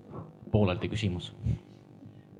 Ja kindlasti võib sellel see mõju olla, aga kui ma mõtlen jälle, et näiteks no lihtsalt üks äh, näide, mis on meie maailmas võib-olla olnud, et, äh, et kui oli see suusatamise äh, probleem meil, mis tuli üles nüüd mõned aastad tagasi, et siis tegelikult noh, see on küll statistikaga ütleme niimoodi, et näiteks noorte mm, sisenemine sellesse sporti ei muutunud sellest, et noh, kuna ma olen ka teinud nii-öelda äh, mõnede organisatoorsete inimestega koostööd, et siis noh, tegelikult seal ei olnud mõju selles mõttes, et ikkagi noored nagu lasid selle nii-öelda minna ja nad ikkagi keskendusid rohkem nagu nendele positiivsetele eeskujudele, et kuigi see käis läbi ja, ja tegelikult seal kõrval ju olid ka need teised, et selles mõttes äh, see sõltub jälle natukene vist sellest, et millele keskendutakse kuidas seda kommunikeeritakse ka väljaspool, et kuida- ja ma arvaks, et äh, see on hüpotees, aga ma arvaks, et väga palju seda tööd tehti ära selle negatiivse mõju äh, vähendamisel rohujuure tasandil ehk siis treenerid. treenerid, äh, kes oma treenitavatega töötasid, et võib-olla nemad siis tõstatasid seda teemat, seletasid seda lahti, et ma ei tea küll, aga, aga noh, et see jällegi tuleb tagasi selle juurde, et kuidas seda kommunikeerida, et kuidas see mõju siis lõpuks väljendub ja ma tahan siinkohal tuua ka selle, et see kogu positiivne mõju tegelikult noh, natuke konfliktse koha, aga kogu positiivne mõju ikkagi suusatamises nende heade tulemuste najal ja kui palju kergliiklusteid võib-olla sellepärast rajati, kui palju suusapaari sel hetkel nagu osteti, et see mingisugune, ma ei tea, kümme aastat seal vahepeal, et eh, ma ei tea, me ei saa seda ka nagu ära unustada, kui palju positiivset see tõi jah, ma arvan ka, et see on väga, väga raske on seda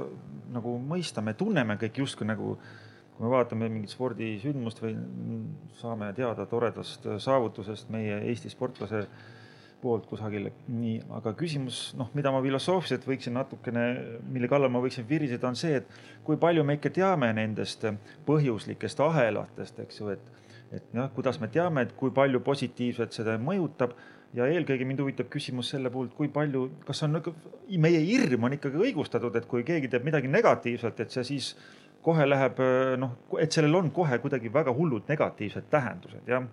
ja idee, mida ma siin nagu tahan välja noh, käia või on see, et ega see keskkond, kuhu mõju avaldatakse, on ju ka mitmesugune, eks ju niimoodi jah. et eks ju, ühed on ju lapsed, kes võib-olla ei pruugi mõista täpselt seda, mida sportlane tegi ja kavatses ja oli, eks ju. Eks ju, ja teiseks on ju ja miks me peaksime üldse kogu aeg laste pärast muretsema selles osas. teiseks ja mis puutub täiskasvanud inimesi, et noh täiskasvanutel on ju ka, no igaüks on omaette nii-öelda nagu öeldakse, vaatab või kogeb oma rumaluse astmele, eks ju, ja see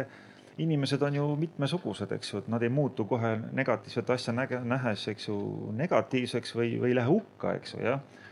ma kardan, et võib-olla see hirm on ka ikkagi natukene noh, paisutatud, see nende eeskujudest rääkimine, ma kardan, eks. Ju, ma tahan, ma tahaksin seda mingit teaduslikul viisil tõendada, eks ju, ja uurida, kuigi see on väga raske. Ja ega see äh, jällegi, et kui nad äh, näiteks äh, murdmaasuusatamise väga halb seis ei mõjuta ka eriti noortesporti, siis tekib küsimus, et kas see selline surmasõlm, mis on siin viimasel, viimastel aastatel olnud, kuidas legitimeeritakse tippspordi rahastust, on sellega sedakaudu, et tippsporti on vaja rahastada seetõttu, et siis tekivad uued tippsportlased, mis meenutab umbes sellist kunagist õigekeelsussõnaraamatu Surmasõlme, et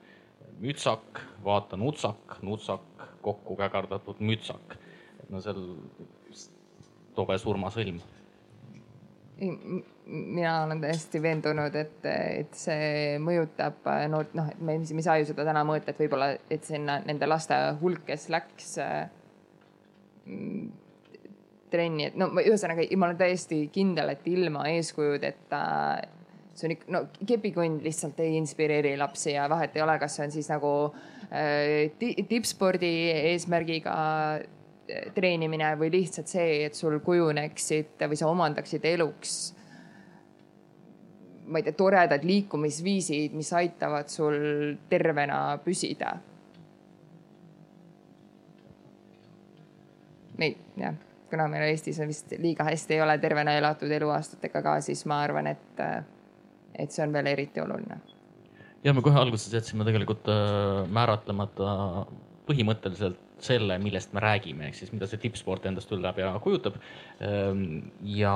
siin võib-olla on ka ikkagi seesama küsimus, et äh, mil määral on see tulemusele suunatud ja mis hetkel me võime tegelikult sellest üldse hakata rääkima, näiteks mis vanuses me võime hakata rääkima tippspordist. Äh, ja mil määral see peaks olema pidevalt suunatud ikkagi pigemini liikumisharjumuse kujundamisele ma olen alati olnud väga professionalismi kriitiline, aga noh, et siin on nüüd mitmeid näiteid, ma arvan, meediast ka paljud arvatavasti lugenud, et mis on näide olnud Norra põhjal, et kuidas nemad lõhuvad, nad ei rõhu küll liikumisharrastuse kujundamisel, aga nad rõhu, rõhuvad rohkem mitmekülgse spordi tegemise, spordi tegemisele mingi eluaastani. See ei tähenda seda, et nad teevad seda ainult üks või kaks korda nädalas, nad teevad seda ikkagi piisavalt palju, aga nad lihtsalt teevad erinevaid spordialasid. Ja jah, tõesti seal riigis ja ka mõnes teises Skandinaavia riigis ei rõhuta nii palju noorte eas tulemustele, mis ähm,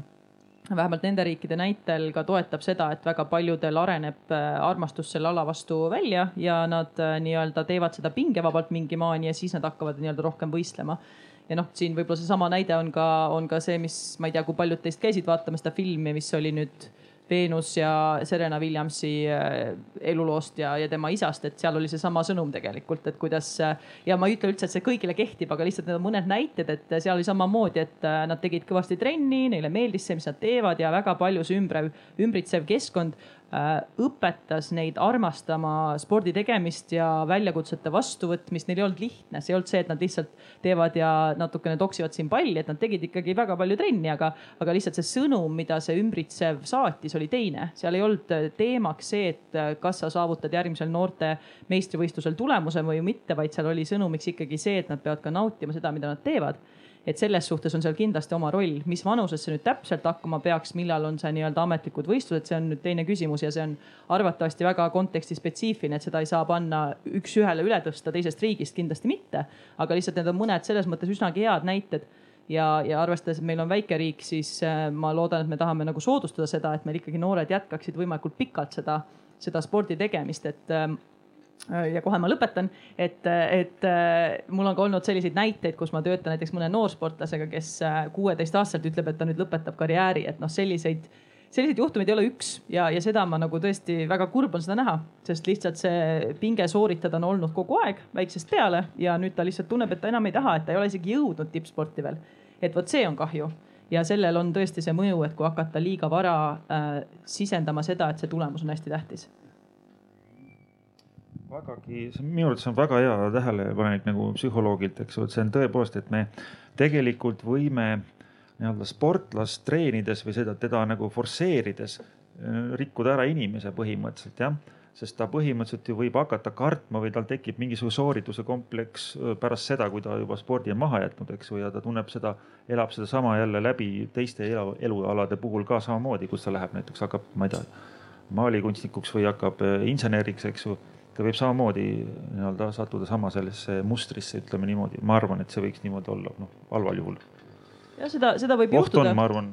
ja jällegi ma loodan, ma ei saada nagu seda sõnumit, võistlemine iseenesest ei ole halb, aga lihtsalt küsimus on jälle selles, mida me rõhutame selles, kui me võistleme ja mis on see nii-öelda Äh, mm, peamise, peamine fookus treenimisel, peamine fookus võistlemisel, et kas see on alati see, et ma pean olema parem kui teised ja see peab olema tulemus, mis tegelikult ju kõigil, kes sporti teevad, on niikuinii kuskil kuklas. või me rõhume muudele asjadele, me rõhume rohkem treeningprotsessile, me rõhume rohkem sellele, mis puudutab enesearengut. mida rohkem ümbritsev keskkond seda toetab, äh, treeningkeskkond, äh, spordikultuur laiemalt, seda rohkem ma loodaks, et jõuab ka noori, kes tahavad vähemalt proovida tippsporti. sest jällegi tippspordi jõudmine ei ole ju nii, et ma nüüd lõpetan ja ma, ma arvan, et tippsportlased, kes siin istuvad, saavad seda kinnitada, et see ei ole niimoodi, et sa lõpetad noorteklassi ära ja nüüd sa oled kohe tippspordis, et sul läheb ju aastaid aega, enne kui sa nii-öelda kohaned sinna tippsporti ja nõus ja, ja selle väga mitmekesise arenguga noorest peast ka väga-väga nõus ähm,. No kuna ma arvan, et see see, millal see tuleb võistlusmoment ja millal nautid, seal on äh, väga suur töö teha treeneril ja, ja siin ma arvan, et, et ähm, me jõuame sinna, et täna ikkagi on treeneri ja selline õpetaja kutse on, ma arvan, nii alarahastatud kui ka alahinnatud, et kui, kui olulised need on, et kui, kui me noortesse ei investeeri, siis, siis on raske lu-, loota heale tulevikule. jah, ma, ma kipun tõesti Saskiaga nõustuma selles osas, aga ma tahaksin nagu, nagu ütleme spordieetikuna urgitseda just nimelt selle eetilise aspekti puhul, eks ju,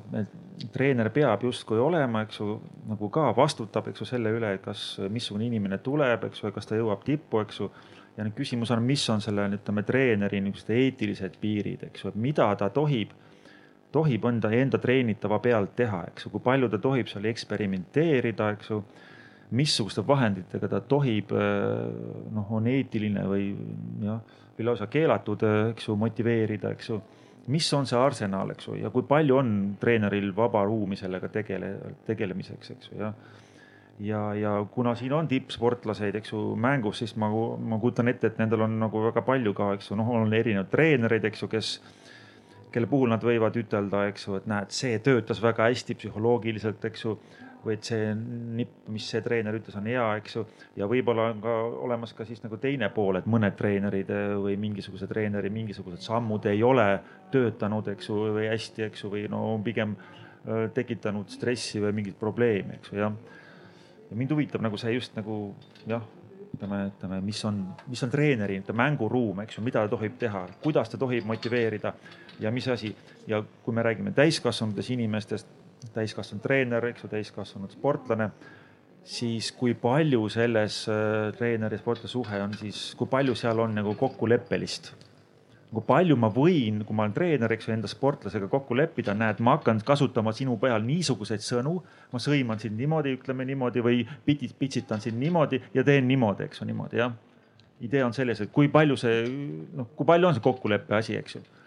ma, ma olen seda näidet kuskil toonud, aga mul oli äh, tiimis üks trennikaaslane, üks tüdruk, kes äh, võistles väga hästi, kui ta, noh, treener põhimõtteliselt oligi ta läbi sõimanud enne ja see nagu muutuski siis äh, mingiks asjaks, mida nad tegid, et ma ei tea, kas see oli siis nagu, kas seal oli ka mingi kokkulepe. ma pigem arvan, et ei olnud. Nad lihtsalt nagu mõlemad said aru, et see on nagu mingis mõttes selline mäng. mulle meeldib sellega seoses meenub mulle just mingi vene äh, võimlejatega mingisugune film, kus treener ütles niimoodi, et emotsioonid jäta pärast medalit äh, ja, ja siis ulu pärast, ütleme niimoodi jah, kui oled ära teinud oma asjad, eks ju praegu ole äh, kuss, eks ju, jah. aga vot, küsimus on selles, eks ju, et noh, et hea küll, aga sportlased on erinevad, eks ju. Äh, noh, mõnele töötab, eks ju, mõne puhul töötab, mõne puhul ei tööta, eks ju niimoodi jah. kuidas, kus see mänguruum on, eks ju, mida tohib, mida ei tohi, eks ju. Markol on väga drastilised näited. drastilised, ei, ei kindlasti mitte. aga ma arvan, et äh, et tre-, treeneri töös äh, tuleb arvestada see, et mis, mis materjali sa ka tööd teed. milline on äh, nagu tänapäeva noor ja kuidasmoodi sa saad teda äh, innustada seda tööd tegema või üldse nagu tippsporti minema nagu sinnasuunaliselt või üldse sporti tegema. see kindlasti ei ole sama, mis kakskümmend aastat tagasi, nelikümmend aastat tagasi, kuuskümmend aastat tagasi, see nagu äh, väga vähe toimib tänapäeval autoritaarne süsteem ja kui ta toimib, siis ta toimib lühiajaliselt, lühiajalise eesmärgi nimel, ta võib toimida, aga see nagu pikaajalisus spordis äh, nagu selles mõttes äh, niimoodi ei saavuta. aga siis on küsimus selles, et, et milline on selle spordiala organisatsiooni kultuur ja kuhu välja tahetakse jõuda äh,. et, et millised nõudmised esitavad sportlased iseendale selle saavutamiseks. siin äh, see Äh, Vene näide, noh, mul oli Vene sõber, on Vene sõber loodetavasti, ma ei ole talle helistanud sõja ajal. ma ei tea, võib-olla ma saaksin tast lahti, ma ei tea, aga äh, tema ütles mulle ammu enne võistlust ära, et tead, Marko, et mina valmistun niimoodi, et ma, ma kurdan sulle. ma kurdan sulle, kui paha mul on, ma kurdan sulle, kui raske mul on, ma kurdan sulle, kuidas kõik asjad lähevad tuksi. aga saa aru, et see on minu, minu ettevalmistamisviis ennast võistluseks et, et, äh, tema, tema vajanud seda ja samamoodi Tokyo olümpiamängude judoturniirilt äh, tuli üks viraalne video välja, kus äh, konkreetselt judo treener oma naissportlast siis noh, põhimõtteliselt andis üks viis-kuus kõrvakiilu. aga see eemaldati isegi Redditist väga kiiresti. et noh, see selli-, sellist käitumist enam ei aktsepteerita, absoluutselt, sellel ei ole kohta et kui sa ei suuda oma sportlast muud moodi motiveerida kui ainult sõimu ja autoritaarse nagu viisiga, siis sa oled kehv treener tänapäeval. jah, et võib-olla analoogia, et kui kirjandusõpetaja suudab kirjandit kirjutama panna õpilase ainult siis, kui ta röögib ta peale või sõimab ta läbi, et siis ma arvan, et isegi nagu kokkuleppe korras ei ole see normaalne või et ma ei tea, võib, kas jah. ja siin sa tõid väga olulise asja välja, et see võib toimida lühiajaliselt aga pikaajaliselt ta ei toimi ja, ja seal on väga suur vahe, kas äh, sportlast motiveerib hirm äh, või teda motiveerib midagi, mis on positiivsem ja see positiivsem ja see sisemine motivatsioon on see, mis kestab pikemalt. hirmu all võib väga, isegi suhteliselt pikalt võib tegelikult sooritada ja neid tulemusi tuua, aga tegelikult see on alati lühiajaline. ja, ja siin ma tuleks ka selle juurde, et äh, nagu sa ütlesid ütlesid Marko väga hästi, et see on järelikult kehv treener, kes niimoodi nagu motiveerima peab. siis äh, minu küsimus oleks ka see, et aga mis on treeneri enda väärtused treenerina, et kas ta tõesti tahab selline treener olla, et, tema nagu peamine väärtus, äh, mida ta annab oma sportlastele edasi, ongi siis see, et ta lihtsalt nii-öelda paneb neid tulemusi tootma ükskõik mis viisidega. et ma tahaks loota, et ükski treener ei taha, et äh, tema sportlane mäletab teda selle pärast et noh, jällegi treeneri roll tegelikult on väga suur ja mida rohkem ta toimetab oma väärtuste järgi, kui ta päriselt vaatab endasse, et mida ma tahan tegelikult oma treeningtööga neile edasi anda, siis mina ei ole kohanud siiamaani mitte ühtegi treenerit, kellel oleks halvad väärtused, mitte kellelgi. Aga lihtsalt see ühendus võib-olla oma väärtustega ei ole alati nii tugev, nagu ta võiks olla vahepeal ja siin ei ole jällegi treenerid ei ole need, kes on ainukesena nii-öelda süüdi, vaid see on jällegi seesama, nagu sa ütlesid, et, et seda mõjutab ka see spordiorganisatsioon, seda mõjutab ka see, kuidas me treenereid rahastame, mida sa Saskia tõid välja. et kõik need asjad tegelikult mõjutavad ka seda, kuidas siis treener lõpuks käituma peab. Ja, ja me ei saa jällegi inimest nagu äh, panna selle ette, et tema üksinda peab vastutama, et seal on tegelikult palju laiemad mõjud, kui noh, kui rääkida treeneri käitumisest näiteks, et see on samamoodi mõjutatud ka laiemate asjade poolt aga jah, see autoritaarne karjumine ja sõimamine, see õnneks tõesti ei ole enam eriti aktsepteeritav. Ja ma arvan, et ka eriti kui rääkida tippsportlastest, siis vaevalt, et tippsportlased väga kaua sellise treeneri käe all on. Mm, ja ma lihtsalt arvan, et see tulemus spordis on nagu ja me nagu ideaalses maailmas loomulikult sa tahad, et see on palju laiem, aga see on, ma ei tea, kahjuks või õnneks on ikkagi kõige olulisem või et, et, et see, mis enne ka läbi käis, et, et kui palju see sportlane siis inimesena ennast avab, et ma ei tea, sul on ERR-is, ma ei tea, nelikümmend sekundit intervjuu, sa räägid, mis Oled tunne oli ja nii edasi. läbinud. jah, jah, tahaks ühe hingetõmbega Eesti hümni ka laulda eh, kohe pärast aga et, et me ei saa sinna mitte midagi parata ja, ja, ja noh, ma ei tea, kui ma ei tea, suurriigid, võib-olla Hiina juba, et, et kas siin äh, geenitasandil või, või siis äh, väga varajases nooruses juba teha, ma ei tea, teste ja siis äh, vaadata, mis spordialad üldse läbi lööksid ja siis seda arendada, siis see on, see on see suund, kuhu ähm, maailm liigub ja siis, kui me tahame, et meil arenevad nagu terved inimesed ja, ja kõik on hästi selles mõttes mm, kuidas öelda, hästi pehme, kõik on hästi pehmelt hoitud, siis me ei, ei saagi neid tippspordi tulemusi, et see on natuke selline mm, dilemma koht, kus me oleme, ma arvan. põhiline dilemma minu arvates ma tahaks siin võib-olla natukene veel argumenteerida, et äh, jällegi see kipub tihtipeale nii minema, et kui me räägime vaimsest tervisest, me räägime psühholoogia koostööst ja me räägime vaimsetest oskustest, siis see tundub pehme. see tegelikult ei ole pehme, see on, see on just see, et sa tegelikult arendad ka sooritusoskuseid, sa arendad oskuseid, kuidas raskustega toime tulla tervislikumalt, sa arendad oskuseid, kuidas oma emotsioonidega toime tulla. Äh, ja noh, neid võiks siin mitmeid loetleda, aga, aga just see, et tegelikult enda psühholoogiaga ja oma nagu vaimse tervisega tegelemine toetab tulemuste saavutamist see ei ole see, mis seda takistab, vaid vastupidi. jah, kindlasti tuleb see küsimus ette, et mis asi on nagu fookuses ja millele jätkub sellel tippsportlasel ressursse. sest selge see, et tippsportlasel on aeg piiratud, kõik tahavad oma asju pakkuda, nagu sa tõid välja, et üks tuleb sul ühtede testidega, teine tuleb sul uute füüsiliste testidega, siis sa pead ju valima, et millele sa siis tähelepanu pöörad ja kindlasti ma ei ütle seda, et nüüd see on see, mis ainukesena toetab tulemusi, aga lihtsalt see on ikkagi üks väga oluline osa sellest kõikide nende teiste asjade kõrval, et jah, aga seda ei saa ära unustada, et tippsportlasel on aeg piiratud ja ta peab ka lihtsalt niisama olema, et kõike ei jõua võib-olla teha alati.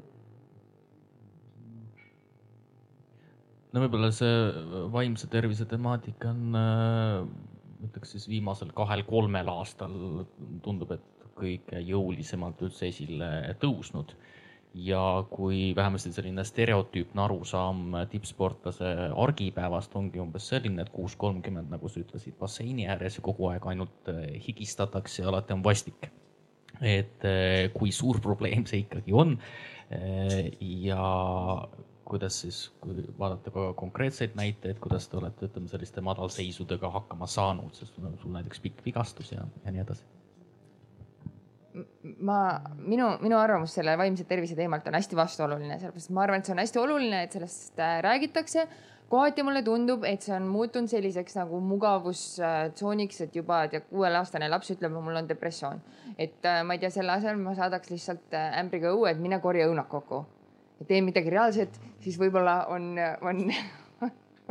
on ühesõnaga, et, et, et ma ei arva, et selles, selle kallal töö, ma olen ise väga palju teinud äh, tööd endaga vaimselt ja, ja varasemas selles ma ei olnud üldse, ma ei arva, et, et vaimse tervisega tegelemine on pehme, absoluutselt mitte, et see, et endale äh, peeglisse otsa vaatamine ongi tihti kõige raskem asi, mida teha. aga ja natuke, natuke ma arvan, et, et, et see pehme ühiskond, ma arvan, et, et, et sellele ma mõtlesin eelkõige seda, et, et, et lapsi ei tohi panna tulemuste alusel pingeritta, et peab olema tähestiku nimekirjas ja see, et, et me natukene kasvatame ka sellist õpitud abitust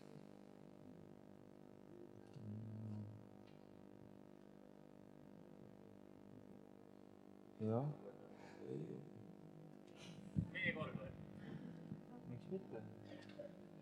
Ma vähemasti Kristeri ja Marko kommentaarid kuulaksin ära veel siis. sellele viimasele või? jah siin ma tunnen, et see läheb hästi laiali, sest et nüüd me räägime juba sellest, mida lastega peaks tegema, mis on kuueaastased. me oleme tippspordist natukene kaugemale jõudnud, et võib-olla sellepärast ma kohe ei vastanudki. mitte, et see oleks oluline, mis sa välja tood ja ma olen, kui ma mõtlen selle peale tagasi, millest ma alustasin, siis üks nagu minu nii-öelda väike selline mõte oligi selles, et tegelikult tippsportlased eeskujuna näitavadki seda, et maailm ei ole lihtne ja see, et sa peadki raskustega toime tulema ja, ja see, et sa peadki väga palju vaeva nägema, mitte see, et kõik tuleb hästi lihtsalt kätte et ähm, ma võib-olla lihtsalt rohkem siia ei tookski midagi, sest ma tunnen, et kui ma sellele väga süsteemselt vastan, siis me lähme juba teist teemat pidi edasi. nojah, ma võib-olla siis äh, lõp lõpetan selle äh, looga, mida ma ennem jagasin Joosepiga ka, et minu üks raskemaid aegu oli kaks tuhat kaheksa kuni kaks tuhat kümme. ja selle aja sees oli mul kaks ahilka operatsiooni. Äh, teine oli sellepärast esimene ebaõnnestus ja ma ei mäleta sellest ajast väga palju. ma nagu reaalselt ei mäleta sellest ja tihti tagasimõtet mõeldes on mul küsimus, et kuidas ma selle üle elasin äh,. aga ma mäletan ühte hetke ja see hetk on selline, et see ei lähe kunagi meelest ära. et me olime just lõpetanud ujumistreeningu Kalevi ujulas, läksime treeneriga alla duši alla, seisame vastas, vastas üksteisele, mina pesen ennast, tema peseb ennast ja siis ma küsin, et kuule Jüri, et mis sa arvad, et kas see on kõik, mida ma tippspordis äh, suudan anda? Jüri vastas ei. ja siis me läksime edasi veel üheksa aastat.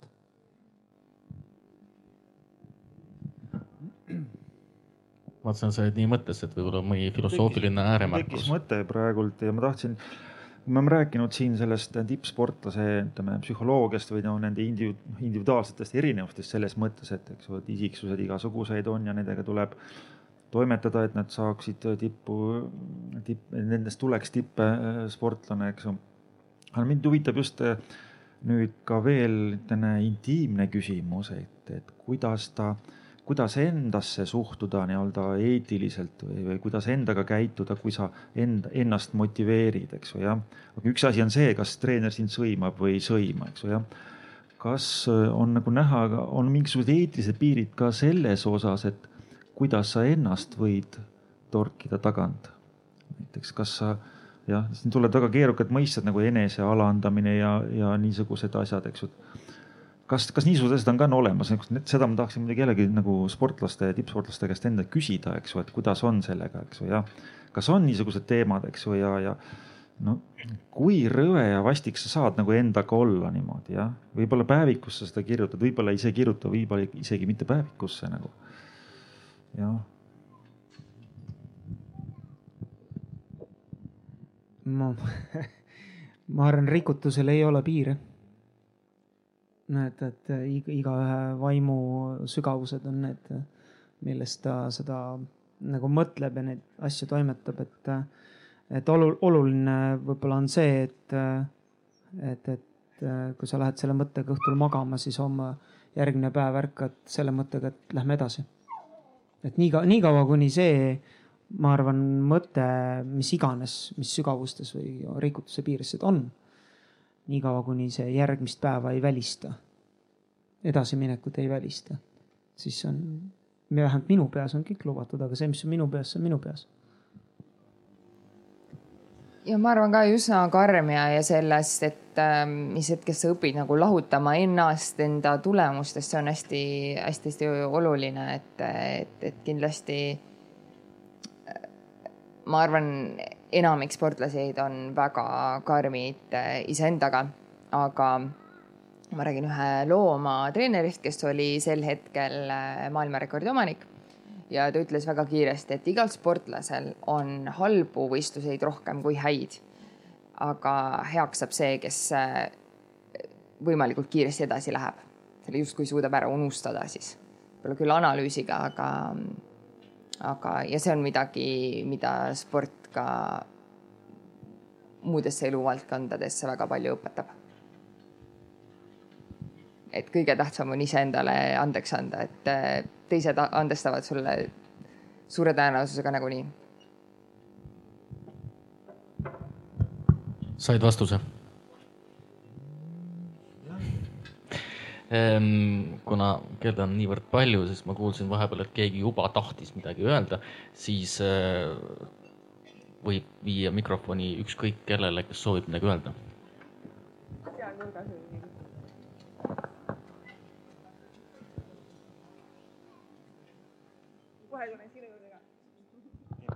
Tervist, aitäh, mina olen üks nendest, kes käe tõstis, et äh, tippsporti pole tarvis. praegu olete selles suhtes nagu individuaalselt rääkinud tegelikult väga hästi, miks indiviidi jaoks on tippsport vajalik. aga ühiskonna jaoks laiemalt nagu, miks me ühiskonnana peaksime muretsema tippspordi pärast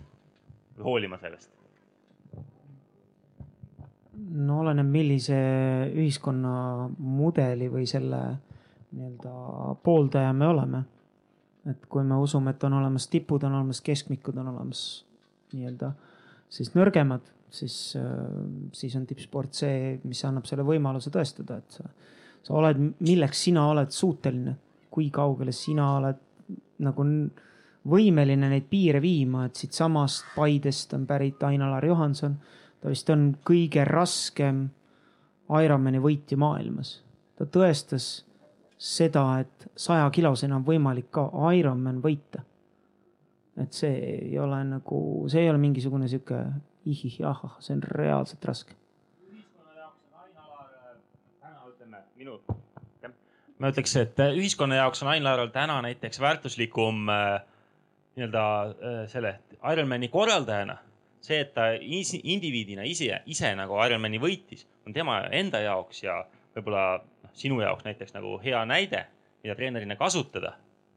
aga milleks meile ühiskonnas oleks vaja nagu toetada või push ida või nii-öelda tegeleda selle tippspordi küsimusega? ta ei ole, Aina oleks saanud, Aina-Laar ei oleks saanud äh, Ironmani korraldajaks, kui ta ei oleks ise võitnud Ironmani. ta ei oleks suutnud kaasata nii palju inimesi sellele Ironmanile. tal on, oli teatud nagu mõjuvõim äh, mõjutada teisi inimesi. see ühiskondlikult ju ometigi tähendab midagi seesama, see, mida alguses Joosep ise mainis, et ka majanduslik pool, mis võib-olla ühiskonna jaoks, kui me räägime rahastusest, tegelikult on see ka mingil määral oluline küsimus. kindlasti minu jaoks isiklikult ei ole see kõige olulisem, aga, aga tegelikult ka see tippspordi olemasolu meie, meie ühiskonnas võimaldab ka seda, et meil on tippvõistlused. me, see võimaldab meil olla rohkem rahvusvahelisel kaardil nii et selles mõttes on tal ka laiem selles mõttes majanduslik väärtus olemas ja, ja võib-olla ka rahvusvahelistes suhetes, kes seda teab ja, ja millest äh, ma alustasin ka, et, äh, et see emotsioon ja, ja inspiratsioon, et äh, mina tõesti väga siiralt arvan, kordan ennast jälle, et kepikond ei inspireeri lapsi, et ikkagi meil on vaja eeskujusid, kellele alt üles vaadata ja, ja võib-olla lihtsalt üks väike täiendus veel sellele, mis sa just ütlesid, et tegelikult äh,, tegelikult inspireerivad tihtipeale tippsportlased ka neid, kes üldse spordiga isegi ei tegele, et kes lihtsalt saavad sellest nii-öelda inspiratsiooni, et hakata nüüd oma valdkonnas midagi nii-öelda rohkem tegema, et seal on lihtsalt emotsionaalselt positiivne mõju, kui me näeme kellegi õnnestumisi. jah, või ebaõnnestumisi. See... on alati ka tore vaadata. ja kogu see, okei okay,, vahva et, et me, me, sa ka kohe alguses esile tõid, et, et mina küll arvan, et, et see rahvusliku ühtekuuluvustunde kasvatamine, selles on ikka spordil väga-väga oluline roll, et, et kindlasti ta, see ongi ajas muutub ja vahetult äh, taasiseseisvunud Eestis oli see võib-olla äh, veel või noh, kindlasti oligi kordades äh, tugevam, aga, aga ma arvan, et seda juhtub äh, ikkagi veel. ma vastaksin sellele härrale küsimus, kes, kes küsis, et äh, miks meil see tippsporti vaja on, jah. oli selline küsimus ja tähendab, ma noh, see tundub, alguses tundub täitsa mõttekas küsimus aga kui ma hakkan, võtan laia perspektiivi, siis see mõttekus hakkab vaikselt ära kahanema, sest ma hakkan mõtlema, et miks meil on vaja tippkingsepa, eks ju, miks meil on vaja tippkokkasi, miks on vaja tippnäitlejad, eks ju niimoodi jah. et siin on, see räägib meile midagi niisugust meie filosoofilisest olukorrast siin maailmast, eks ju, me oleme mingisugused, mingite aladega tegeleme, erialad, valdkonnad, eks ju. ja siis meil seal on niimoodi mingisugused, keegi on tipus ja keegi on, on vähem tipus, eks ju, jah. et nagu kas, no nii on lihtsalt nagu jah aga või sa mõtled selles mõttes, et näiteks, et võib-olla tippsporti pole enam vaja selles mõttes, et nagu ei ole tippkingsepa enam vaja. jah, selles mõttes, eks ju näiteks. et selles mõttes on äkki on aegunud see asi, et nagu enam keegi tippsporti ei, nagu ei tiputa või no nagu see olgu, eks ju. nagu samas mõttes nagu kingsepp äh, suri välja, eks ju, kui poest saab osta mingi odava asja, onju. no võib-olla nüüd jälle taas, taaskasutatud. okei okay,, noh, jah jah, kui võib-olla. miks me oleme tipule orienteeritud üldse oma elus üldse, see on oluline küsimus, ma jah, et äh, kui nagu kuidagi äh, üritada välja noppida need pidepunktid, mis siin on äh, käinud, ehk siis kuidagi terviklik vastus anda, siis neid põhjuseid on umbes kuut laadi. kõigepealt majanduslik, mis on läbi käinud, üks on siis tõesti rahvuslik kogukondlik ühtsustunne, põlistatakse mingisuguseid väärtussüsteeme, emotsioon, mida pakutakse, võib-olla, mis ei ole läbi käinud, on, on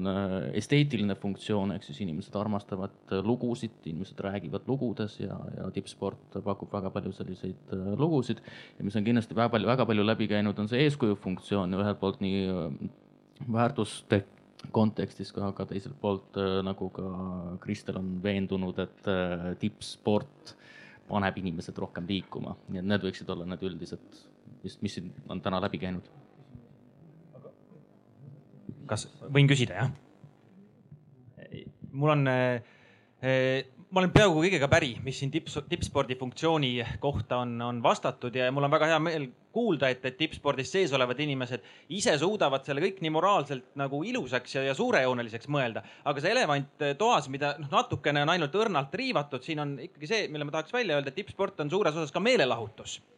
ja, ja ma, meelelahutus tingimata, see kõlab natuke madalalt, aga noh, et meelelahutusel enesel on ühiskondlik, ühiskondlikult palju noh, olulisi funktsioone, noh kaasa arvatud see noh, ma ei tea, mida mina alati tähele panen, et, et kuidas tippspordi jälgimine, meelelahutuslik jälgimine loob mingi sotsiaalse ruumi eh, eh, nii-öelda emotsionaalseks kohaloluks, noh kuni selleni välja, et ma ei tea, meestel muutub kallistamine, normaliseerub füüsiline lähedus, no palju-palju teisi aspekte, nutmine normaliseerub ja nii edasi. ja, ja, ja lihtsalt mul tekkis selline naljakas, ärge võtke seda kuidagi pahasti, aga et, et mul tuli mõttesse, et kui oleks selline klounide kongress, kus klounid arutleks äh, nagu äh, tsirkuse sellise äh, funktsiooni üle ühiskonnas ja toodaks välja kõik see eeskuju funktsioon ja rahva tervise funktsioon ja selle meelelahutuse asja nagu väga ei äh, puudutaks, siis tunduks natuke naljakas. ja siit mul tuleb küsimus ja, ja, ja küsimus on see, et, et mainiti ka vaimset tervist natuke, et kas võib-olla nii-öelda tippsportlaste koolitusprotsessis või üldse tippsportlaseks olemise juures poleks võib-olla nii-öelda vaimselt eh, kasulikum tunnistada rohkem seda nii-öelda meelelahutuslikku aspekti või seda nii-öelda klouniks olemise aspekti ja klouniks ma ütlen kõige paremas mõttes, sest noh, kloun laval, ma imetlen tsirkust, eh, kloun laval võib paista nii-öelda väga tühine, aga seal taga on samamoodi meeletu töö, meeletu, meeletu eneseareng, meeletud tunnid meeletu jah, nii et ühesõnaga, kas poleks vaimsele tervisele kasulikum tunnistada rohkem või rõhutada rohkem seda meelelahutuslikku klounaadi aspekti? Mina arvan, et kogu see nagu emotsiooni pakkumine, see minu jaoks ongi seesama, et sa lahutadki inimeste meelt. et äh, või see, millest ma ei tea, alguses ma tõin gladiaatori näo, et see oli ju ka, gladiaatorid olidki toodud äh, meelelahutuseks, et see on äh, ilmselge. nojah, ma ei, ei räägi, kõik teame ja kõik tunnistame seda asja, et, et selles mõttes, et eriti tänapäevasel ajal, kui sa oled meelelahutaja läbi sotsiaalmeedia. et, et, et siis sa tegeledki meelelahutuse eeskuju, mis iganes asjadega sotsiaalmeedia ma läheks siit edasi, sest noh, ajaloolasena ma saan ütelda, et alati on tippsport olemas olnud, ta koht oligi tsirkuses, noh, gladiaatorist on räägitud, Lulich on ju tipptsirkuse artist aga ta osutus rahvuslikuks väärtuseks. aga siit läks nüüd edasi küsimusega, et eh, kõrvale tuli Kubertani ideaal, mis nüüd hakkab nagu, nagu ära vajuma. Eh, kas see on ebaõnnestunud kõrval selline etapp ajaloos või, või on tal mingi roll veel tulevikus? praegu me oleme tegelikult nagu tsirkuse etapis tagasi, aga Luulis sai sellele vaatamata olla rahvuslik väärtus. aga ta oli ju tegelikult tsirkuseartist sa mõtled äh, konkreetselt seda, et osa, osavõtt on kõige olulisem, seda Kubertani väärtust? jah, ja et ta ei oleks selline noh, tsirkus ühtlasi toob ka tulusa elatusada elukutse, eks ju. et äh, selline küsimus tekkis praegu selle diskussiooni juures. kindlasti professionalismi ja sissetuleku vahel on, on see võrdusmärk tugevnenud viimaste aastate jooksul või aastakümnete jooksul. et see amatöörism ja kõik see on, on nüüd suures osas ikkagi selja taha jäänud. me küll minu alal veel näeme seda, et et tegeletakse tegelikult puhtalt ainult spordiga, aga kvalifitseeritakse end kui amatöör, sellepärast et vahetatakse vabal ajal kellapatareisid või midagi sellist, et noh, mingi sihuke arbitraarne töö on ka pandud sinna juurde. Ehm, pikk, pikk jura lühidalt, et läheb, läheb küll sinnapoole jah, et see Kubertani osavõtt ja amatöörlus osalt liigub tahaplaanile, teisest küljest äh, tippsportlase ennast, ennast ära elatada vahemikus, kus sa oled täiskasvanuks saanud, kuni kui sa suudad saavutada äh, mingisuguse edu rahvusvahelisel tasandil, mis majanduslikult sulle sisse toob. selle vahele jääb periood, kus sa pead tegema ka spordi kõrvalt tööd. tava, tavapärane on see, et õpitakse, tehakse tööd ja tehakse sporti äh,. ja noh, see pole nagu noh, see harvendab näiteks Eesti spordis ridu ikka veel äh, kiiremini ja see on, ma arvan, üleüldse laiem, laiem probleem, et kuidas me aitamegi inimesi jõuda tippspordini, sest et see üleminek noortespordist, isegi siis, kui sul on väga hea põhi all, siis sealt üle hüpata tippsporti, see võtab aastaid aega, mis on normaalne protsess. et selles suhtes täiesti nõus, Marko, et, et see on asi, mis on suur tekitab suured käärid, kuna Eestis on, me ei ole sellest rääkinud ja me tean, et me sinna ei lähe ka, aga on väga palju nii-öelda noor jutumärkides tippsportlasi, kes saavutavad nii-öelda tulemusi, aga millegipärast nad kaovad ära, enne kui nad eliitsporti üldse jõuavad või siis on seal ainult korraks ja siis nad peavad sealt lahkuma, et see on väga suur küsimärk, kuidas seda toetada ja see vajab kindlasti mõtlemist ja tegutsemist. kas siin on keegi, kelle jaoks oleks tohutult traagiline, kui ta ei saaks midagi öelda?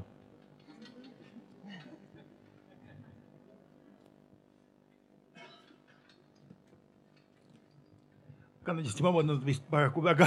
väga ei oska lühendada, ma eh, kõigepealt eh, näitan eh, sportlastele, sporditeadlastele ja teabevahendajatele väga traditsioonset taomärki, kui te kõik olete seda näinud ja ma hooplen, et see siis sattus minu taskusse siia paita kaasa tulema. ma juhin teie kõigi tähelepanu, et üks üsna sportlev filosoof kaheksa aastat tagasi kirjutas eesti keeles, kirjutas doktoriväitekirja pealkirjaga Vägi individuatsioon, eh, keerustumine praktika. see autor kannab nime Margus Ott ja kaitses Tallinna Ülikoolis ja eh, ma sedastan, kas seda nüüd nagu manitusena võtta, ma sedastan, et vastupidi enamikule inimestele eh, sportlase elus tem-, suhe tema vaimu ja keha vahel on teistsugune kui tavalistel inimestel, sest sportlane on isiksus, kes pühitseb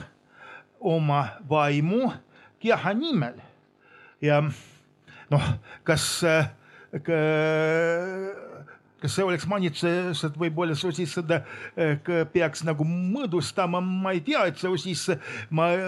märgin, et minu meelest inimkonna kui terviku huvides oleks äh, see, et inimesed, kes eelis arendavad oma vaimu, inimesed, kes eelis arendavad äh, oma keha ja nagu pühitsevad ühtepidi ja teistpidi ja kui nad kaaluksid omavahel tasse, et võib-olla teatud mõttes äh, sportlased peaksid partnima ka nende inimestega ühiskonnas, kes pühitsevad oma keha oma vaimule ma tean.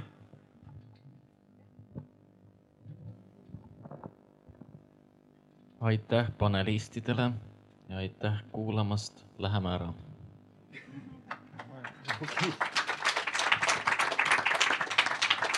selge see.